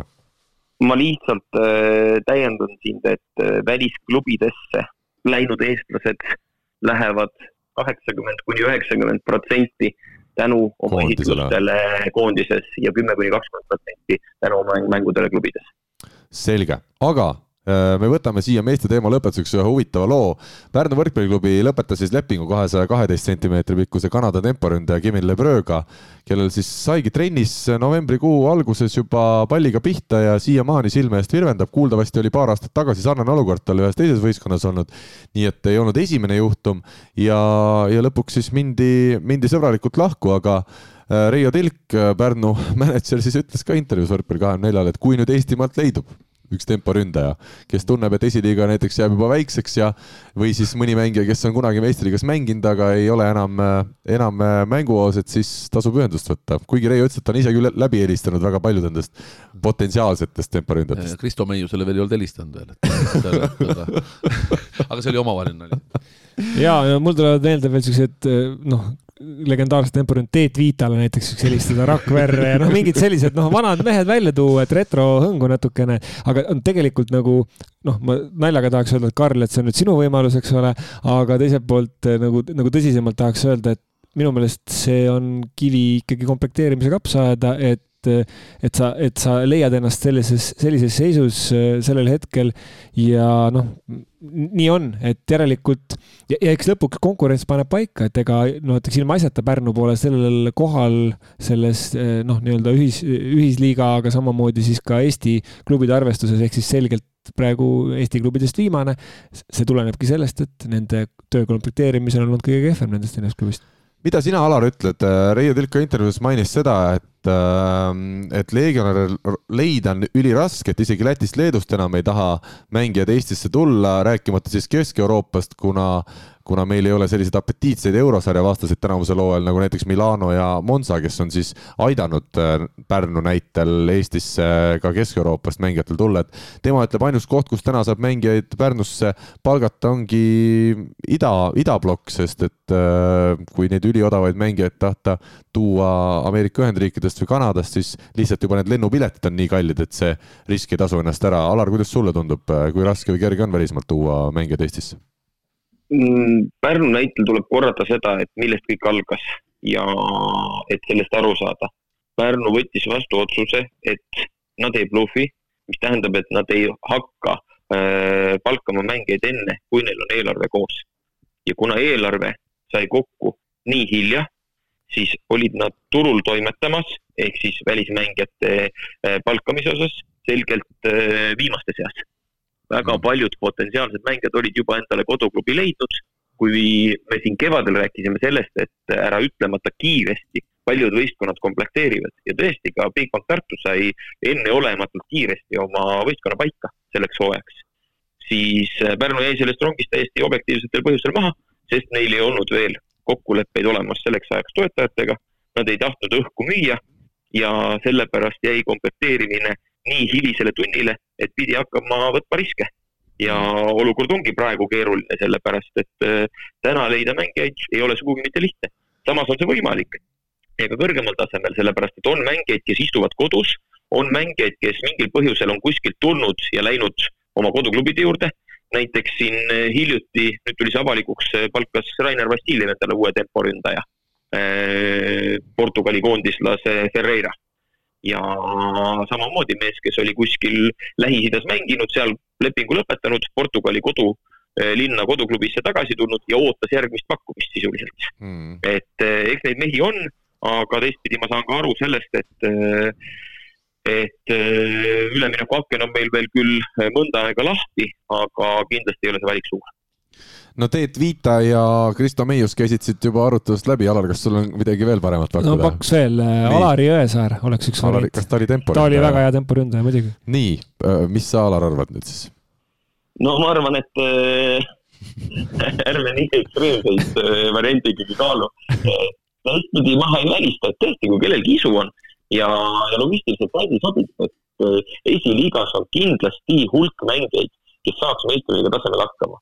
Kes teist näiteks täna saates olijatest teadis enne tänavuse hooaja algust sellist mängijat nagu Kristo Joosep Peterson? mina teadsin mina ei teadnud näiteks ja, ja ta saab päris korralikult hakkama. aga ta on noortekoondislane olnud ju. täiesti, ma pole teda vaadanud, vot see tempo ei paista seal nii palju silma mm.. ja minu jaoks täiesti tundmatu nimi, kes mängib väga okei tasemel, vahest võidavad, vahest kaotavad, aga saab hakkama. ehk siis äh, ma ei usu, et need mängijad on otsa saanud, kes sel hooajal suudaks äh, Eesti meistriliigas mängida. esiliigas kindlasti neid on, aga me oleme sellest väga palju arutanud, et seal on küsimus rohkem selles motivatsioonis ja asja ülesehitamises, et seal on väga palju mängijaid, kelle võimekus lubaks, aga palju mugavam on teha tööd, käia üks-kaks korda nädalas trennis ja nädalavahetusel võistlustel. ja, aga ma lihtsalt ütlen Alarile ikka seda ka, et Kristo Joosep on ju olnud siin juba mitu aastat Audenteses Raul Reiteri käe all ja teinud väga tõsiselt hommikul ja õhtul trenni, et ütleme, see ei ole päris selline mees metsast, kes nüüd meistriga on olnud, vaid see on pigem loomulik asjade käik olnud aga. jah, aga aga mees sai mängima ja mängis ennast pildile juba nõus. Äh, Pärnu võrkpalliklubi, tundub, et meil siin, sa Tartust ka, sul on küll kolm head tempomeest, ühtegi neist ära ei anna praegu hooaja keskel, Alar? mul on neli head tempomeest. Siim Päit ka loomulikult? loomulikult, aga täna õhtul on trenni tulemas, neist, neist vaid üks mm. -hmm. no aga selle andagi siis võib-olla no ei tule sealt, selge, ühesõnaga tõesti üleskutse võrkpallisõppedele, kui tunned, et oled keskmisest pikem eestlane pallile väga hästi pihta ei saa, siis äh, temporündaja, okei okay,, tegelikult peab pall ka hästi pihta saama, siin ei, ei saa nalja teha, mõni temporündaja võib-olla võtab südamesse ja ja, ja, ja nii ta on. ühesõnaga jääme huviga ootama ja loodame, et Pärnu ikkagi saab äkki just Eestist omale selle ühe tempomehe juurde. Pärnul endal ikkagi seis selline, et nädalavahetusel saadi kolm-üks võit võõrsil Ekapilsi üle äh,, aga teine mäng Taugapilsile kaotati üks-kolm ja minu küsimus just Alarile kui vähemalt viimasel suvel veel ka Eesti koondise tegemiste juures olnud mehele, et kas Silver Maar nüüd jääbki lõplikult rongist maha või pärast sellist hooaega sellises äh, klubis on tal võimalik üldse välismaale minna? või sa ütled, et mängib koondises pildile ja kõik on hästi? loomulikult äh, ei saa hooaja põhjal klubis äh, teha järeldusi ja libero positsioonil on juhtunud seda ka tippudega päris tihti. et mõni aasta ei tulegi pakkumist ja lähedki tagasi kodukohta ja ootad järgmine aasta jälle, et selgelt kõige keerulisem positsioon võrkpallis, kus jõuda äh, välismaale. jalgpallis ei olegi sellist positsiooni, korvpallis ei olegi sellist positsiooni. see oleks teistest nagu nii palju erinev ja kuna nii paljudes liigades on ka need välismängijate piirangud, siis tõesti kõige viimasena võetakse äh, mujalt riigist libero mm.. ja seetõttu on keeruline, aga ma olen täiesti veendunud, et äh, küll ta teeb järgmine hooaeg jälle korraliku suve ja kui tal veel seda motivatsiooni, isu ja sisu on, siis küll ka välisklubisse jõuame. loodame tõesti nii. Balti liigas, Grade kakskümmend neli Balti liigast siis üheksa võistkonda sel aastal mängivad ja Pärnu hetkel tabelis viiendal kohal. kolm esimest on Tartu, Selver, vabandust, Bigbank, Selver ja TalTech nimetame ikka äh, toetajate nimedega võistkondi ilusti. Äh, Pärnu siis viies, Karkstai, Leedu parim klubi on äh, nende vahel ehk neljandal positsioonil ja siis edasi tulevad juba kuuendana Taugapils, seitsmendana Riia Tehnikaülikooli Jurmala ja kaheksandani Ekapils ja kuna Jelgava on viimasena juba selgelt kõigist maas, null võitu, kuus kaotust, siis tundub, et Pärnu igal juhul play-off'i saab, aga nüüd on väga oluline hoida seda kohta seal ütleme viie parema seas ja võimaluse korral ikkagi neljandaks tõusta, kui nad tahaksid tänavu Balti liigas poolfinaali pääseda ja veerandfinaalis meie teisi tippklubisid siis vältida. aga siia teemaplokki lõpetuseks loomulikult sa tead, Alar, laupäeval natukene pärast keskpäeva on Eesti võrkpallis üks väga tähtis lahing toimumas, mis lahing see on? ei õrnemat aimu mängivad siis äh, meeste esiliigas Neemeko ja Tallinna Ülikool. Ja kuna esimene mäng jäi ära nende kahe vahel ja tänu sellele või seetõttu sai Tallinna Ülikoolil läbi see kuuskümmend pluss mängu kestnud võiduseeria, siis äh, ma tean, kui kui palju on seal mängus äh, nende kahe võistkonna jaoks tuleb tuline lahing ja nagu Mihkel ütleb, et ikkagi naiste võrkpalli tasub vaatamas käia, siis kui ühte mängu sel hooajal esiliigast vaatama minna, siis ma arvan, et see ei ole isegi finaal, vaid see ongi nüüd see Neemeku ja Tallinna Ülikooli teine mäng selles mõttes Karl ütles väga huvitavalt, et nüüd tuleb juttu mingisugusest olulisest mängust või tõsisest mängust, et siis noh, ta ilmselgelt bluff, bluffis praegu, see on see, mida ei, Pärnu ei teinud, eks ole. Need on ju potentsiaalsed meistriliiga klubid, nagu ma teie jutust aru saan ju, sest nad on esiliigas praegu tipus. no see, et esiliigas tipus oled, see ei tee veel potentsiaalsed meistriliiga klubid, need kindlasti ei ole potentsiaalsed meistriliiga klubid. igatahes on natuke no, juurde. no ja okei okay,, ma vaatasin võib-olla rohkem seda Tallinna Ülikooli poolt seal, et aga jaa, Neemeko võib-olla küll, jah väga hea, õli on valatud veel rohkem tulle, mina plaanin igatahes olla laupäeval Pingi? varumeeste nurgas Aa, plaksutamas ja kõhulihaseid tegemas ja kes tahab teada väga head kerelihaste kava, mida saab siis teha vastavalt mängule tund kuni kaks pool tundi, siis tulge vaadake annan selles osas oma Paned parima. laivi sealt võib-olla Facebooki natukene. varumeeste nurgast. jah, endast. saavad teised ka näha. jah, see oleks hea mõte aga miks mitte? ma arvan, et seal on päris põnevat noortele. mängust videoülekannet aga vaatame. täpselt, mis asi siis mängu vaadata, vaatame seda soojendusnurka hoopis. Alar, sa vaataks seda soojendusnurka või pigem mitte? ei, ma usun, et äh, ma vaatasin vahepeal, mis kell see mäng toimub ja mul on sel ajal treening kui on. salvestuses, salvestuses saad poistele saata kunagi nädalavahetuseks, et tehke sul neid varumehi no,, sul neid varumehi on küll ju, Antsmanid ja, ja Päidid ja. praegu enam võib-olla ei ole. võib-olla praegu enam ei ole, et jah, aga muidu oleks neile võib-olla hea selline materjal. aga lõpetame, lõpetame rumala jutu rääkimise ja võtame tänases saates ette viimase teemaploki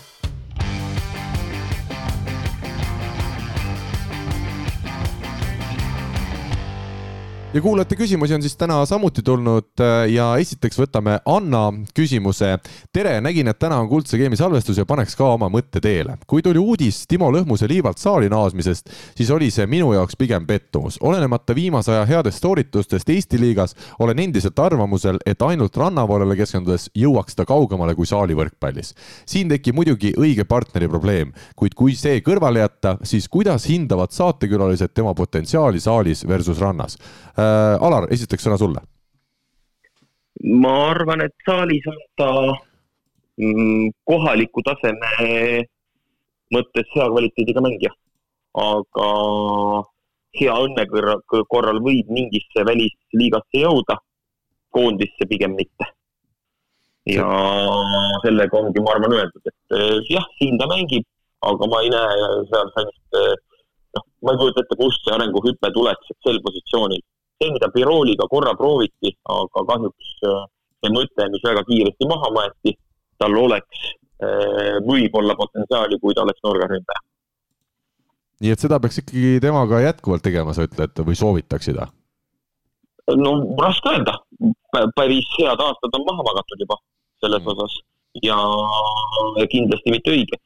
ma jään vastuse võlgu, ma ei ole rannas teda nii palju näinud, et öelda nüüd seda potentsiaali, aga sa tõid ise välja kohe sellesama olulise küsimuse, et kellega siis koos ja kumb ta üldsegi rannas on, kas ta on ploki või ta on kaitsemängija mm. -hmm. oma pikkust arvestades peaks ta rannas ka selgelt kaitsemängija olema, kui kuhugi jõuda tahab.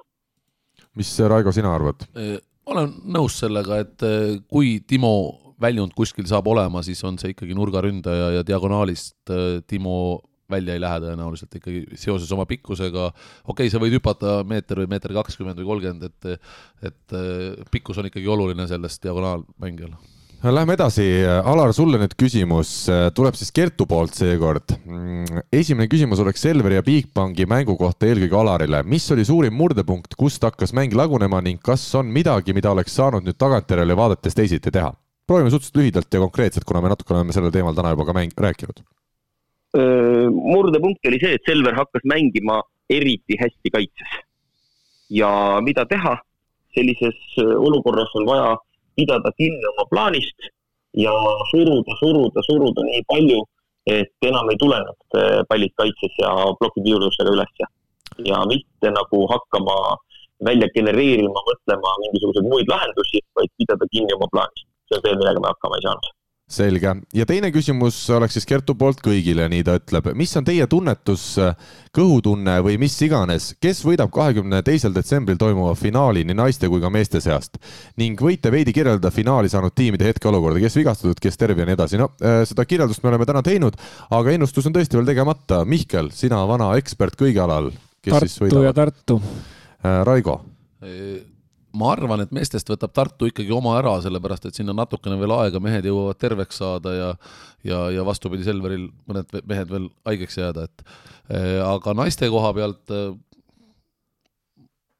pigem väike kaalukauss jääb ikkagi Tartu poolele, aga ma arvan, et eh, Audentes koos Marko ja Andreiga suudavad anda päris korraliku lahingu seal finaalis ja samamoodi kõik mängijad üksi lahti arutada ja võta, annavad maksimumi seal, et ma arvan, natuke võib jääda puudu. Alar, sinu hinnang no mul minult ei ole mõtet küsida, et kui on vaja, siis lähen ise ja võtan Oliveri kaasa katseplatsile, et küll Aha. ikkagi Tartu ja Tartu. aga sa tead, äh, Alar, et äh, üks mees on Tallinnas ka ikkagi, kui sul mängijaid peaks puudu jääma ja saab veel registreerida, et siis noh, alati võid, sa tead numbreid ja no. ma numbreid tean, aga karikavõistluste juhendis on selgelt määratletud, et kõik mängijad peavad olema enne poolfinaalseeria algust üles antud, hiljem lisada ei saa no selge, siis vaatame seda kevadist asja, kui on need äh, Balti liiga ja Eesti liiga tähtsamad mängud tulemas, äh, siis, siis võib-olla jõu, veel jõuab. aga Mihkel võttis peast kinni. no see on see, mm, kunagi Ott Sepp ja Märt Aavin tegid selle, et ma pean saama Eurovisioonile, muidu suren, selle, et see on, Karlil on ka see projekt, et pean saama meistriliigas platsile, muidu suren. ei, platsile keegi ei ole rääkinud sellest no okei okay,, pean saama meistriliigas mõne võistkonna koosseisu, teisiliigas sa juba said selle kätte ja isegi platsile said nii, läheme edasi, kuna meil Alar peab varsti ära minema. Mm, ja võtame siis Urmo küsimuse. kiusaks vanameister Tatrikut. teatavasti on tal poiss ka võrkpalliradadel. kui head eeldused poisil on, et liikuda teravaima tipu poole ning mis vanuses on juba näha, et saab asja? kunas peaks tegema alavaliku, kui tehakse kahte ala? ikka väga spetsiifilised küsimused tulevad täna ja, ja ei, ma saan aru küll, miks see küsimus on. ei, selles mõttes äh, ma arvan, et ikkagi siin kuskil kuuenda-seitsmenda klassini, mida ägedamalt ja rohkem seda te-, sellega tegeletakse ja rohkem alasi on, et see pigem tuleb nagu kasuks ikkagi, olenemata mis alale. et äh, kui sa paned ainult ühte ala, noh. tead, mina väidan, et tennises tundub küll, et sa maailma tippu ei jõua, kui sa juba seitsme-kaheksa aastasena ei tee spetsiifilist trenni muidu ma olen üldiselt väga nõus sellega. on neid alasid kindlasti, neid on veel peale tennise veel, tähendab, kus sa selle ühe alaga, aga pallimängudes ma ütlen, et see võiks olla ikkagi laialdasem, see, see asi, et mm.. noh, iluvõimlemises sa ei saa ka teistmoodi, hakkad kolmeaastaselt juba seal trennis käima, aga jaa, ma, ma selles mõttes toetan seda mõtet, et võimalikult kaua teha erinevaid alasid. seda võiks jalgpalli, ütleme üldsus Eestis ka ka ütleme, teised võiksid seda edendada, kui lasteaeda minnakse lastele esimesi jalgpallitrenne andma, aga lähme edasi. Äh, kas sa soovid siin vastust veel täiendada või? Äh, ei oska. ei oska, selge, väga hea, vastus on antud, Martin küsib küsimus Karlile, milline oli mitteametlik e-talviste Eesti rannavalla meistrivõistluste eelarve ja kas taolise ürituse korraldamine toob ka kasumit? Äh, eelarve jäi sinna nelja tuhande viiesaja euro kanti umbes, ma ei, ma ei tea, palju üldse on kombeks rääkida eelarvetest nii. ma just tahtsin öelda, et väga avali siin juba paneb numbrid välja no,. aga mul ei ole ka samas midagi nagu väga, väga salatseda, aga see, kas see on kasumlik, minu arust see on nagu väga mitme tahu alt saab vaatada, et kui võtta rahaliselt, siis kui sai kõik arved makstud, siis lõpuks jäi endale paarsada eurot. Ehk siis, kui panna see aeg ja, ja närvikulu, mis kõige selle korraldamiseks kuluks, siis kindlasti see ei ole seda väärt.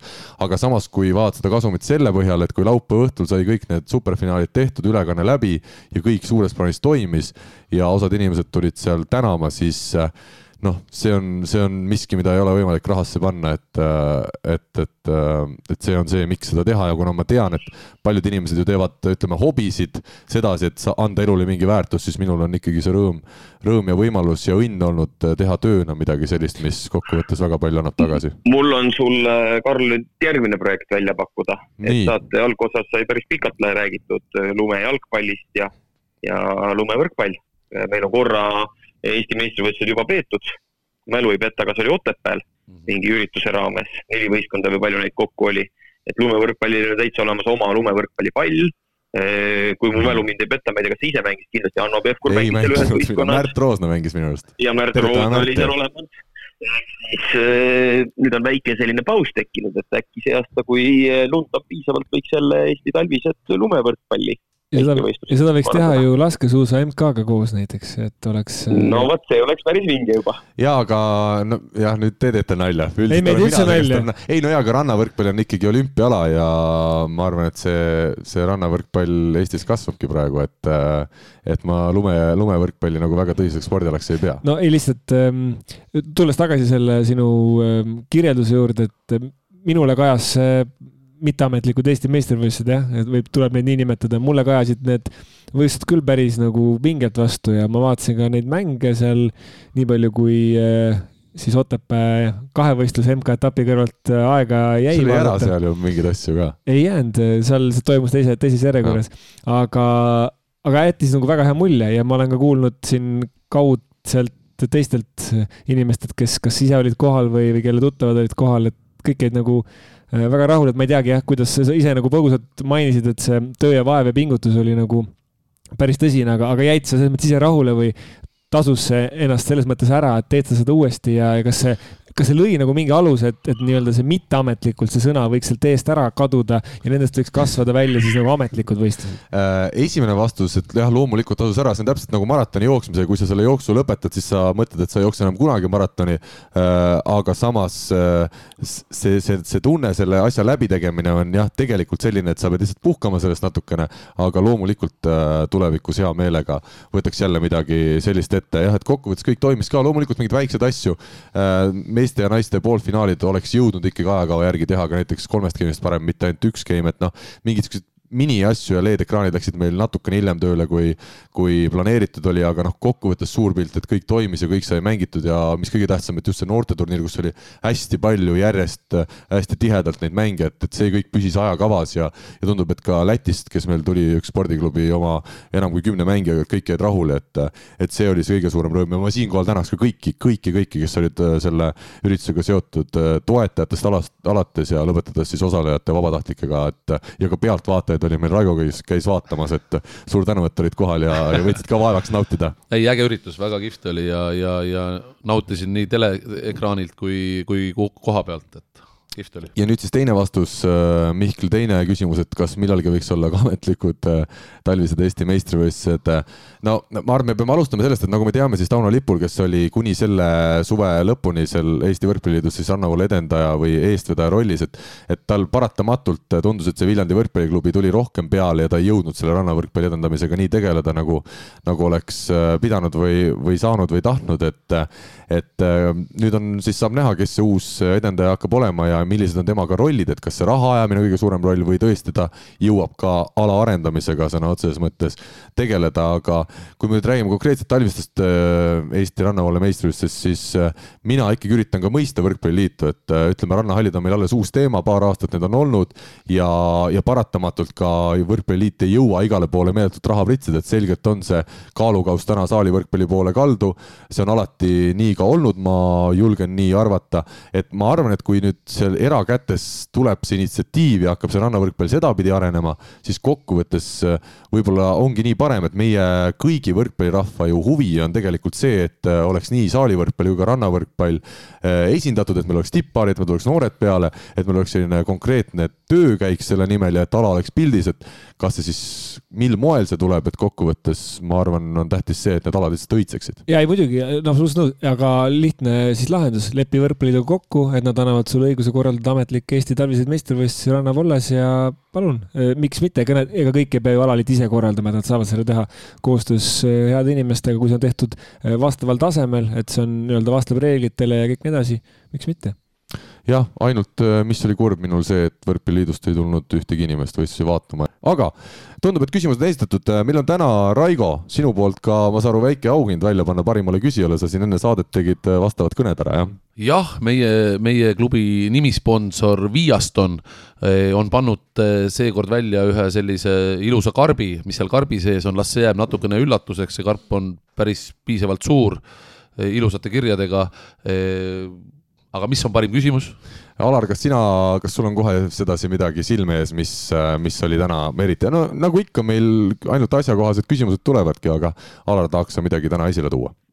ei taha vist, sellepärast et teatud küsimus oli mulle lihtne, aga see oli mulle suunatud, see pool.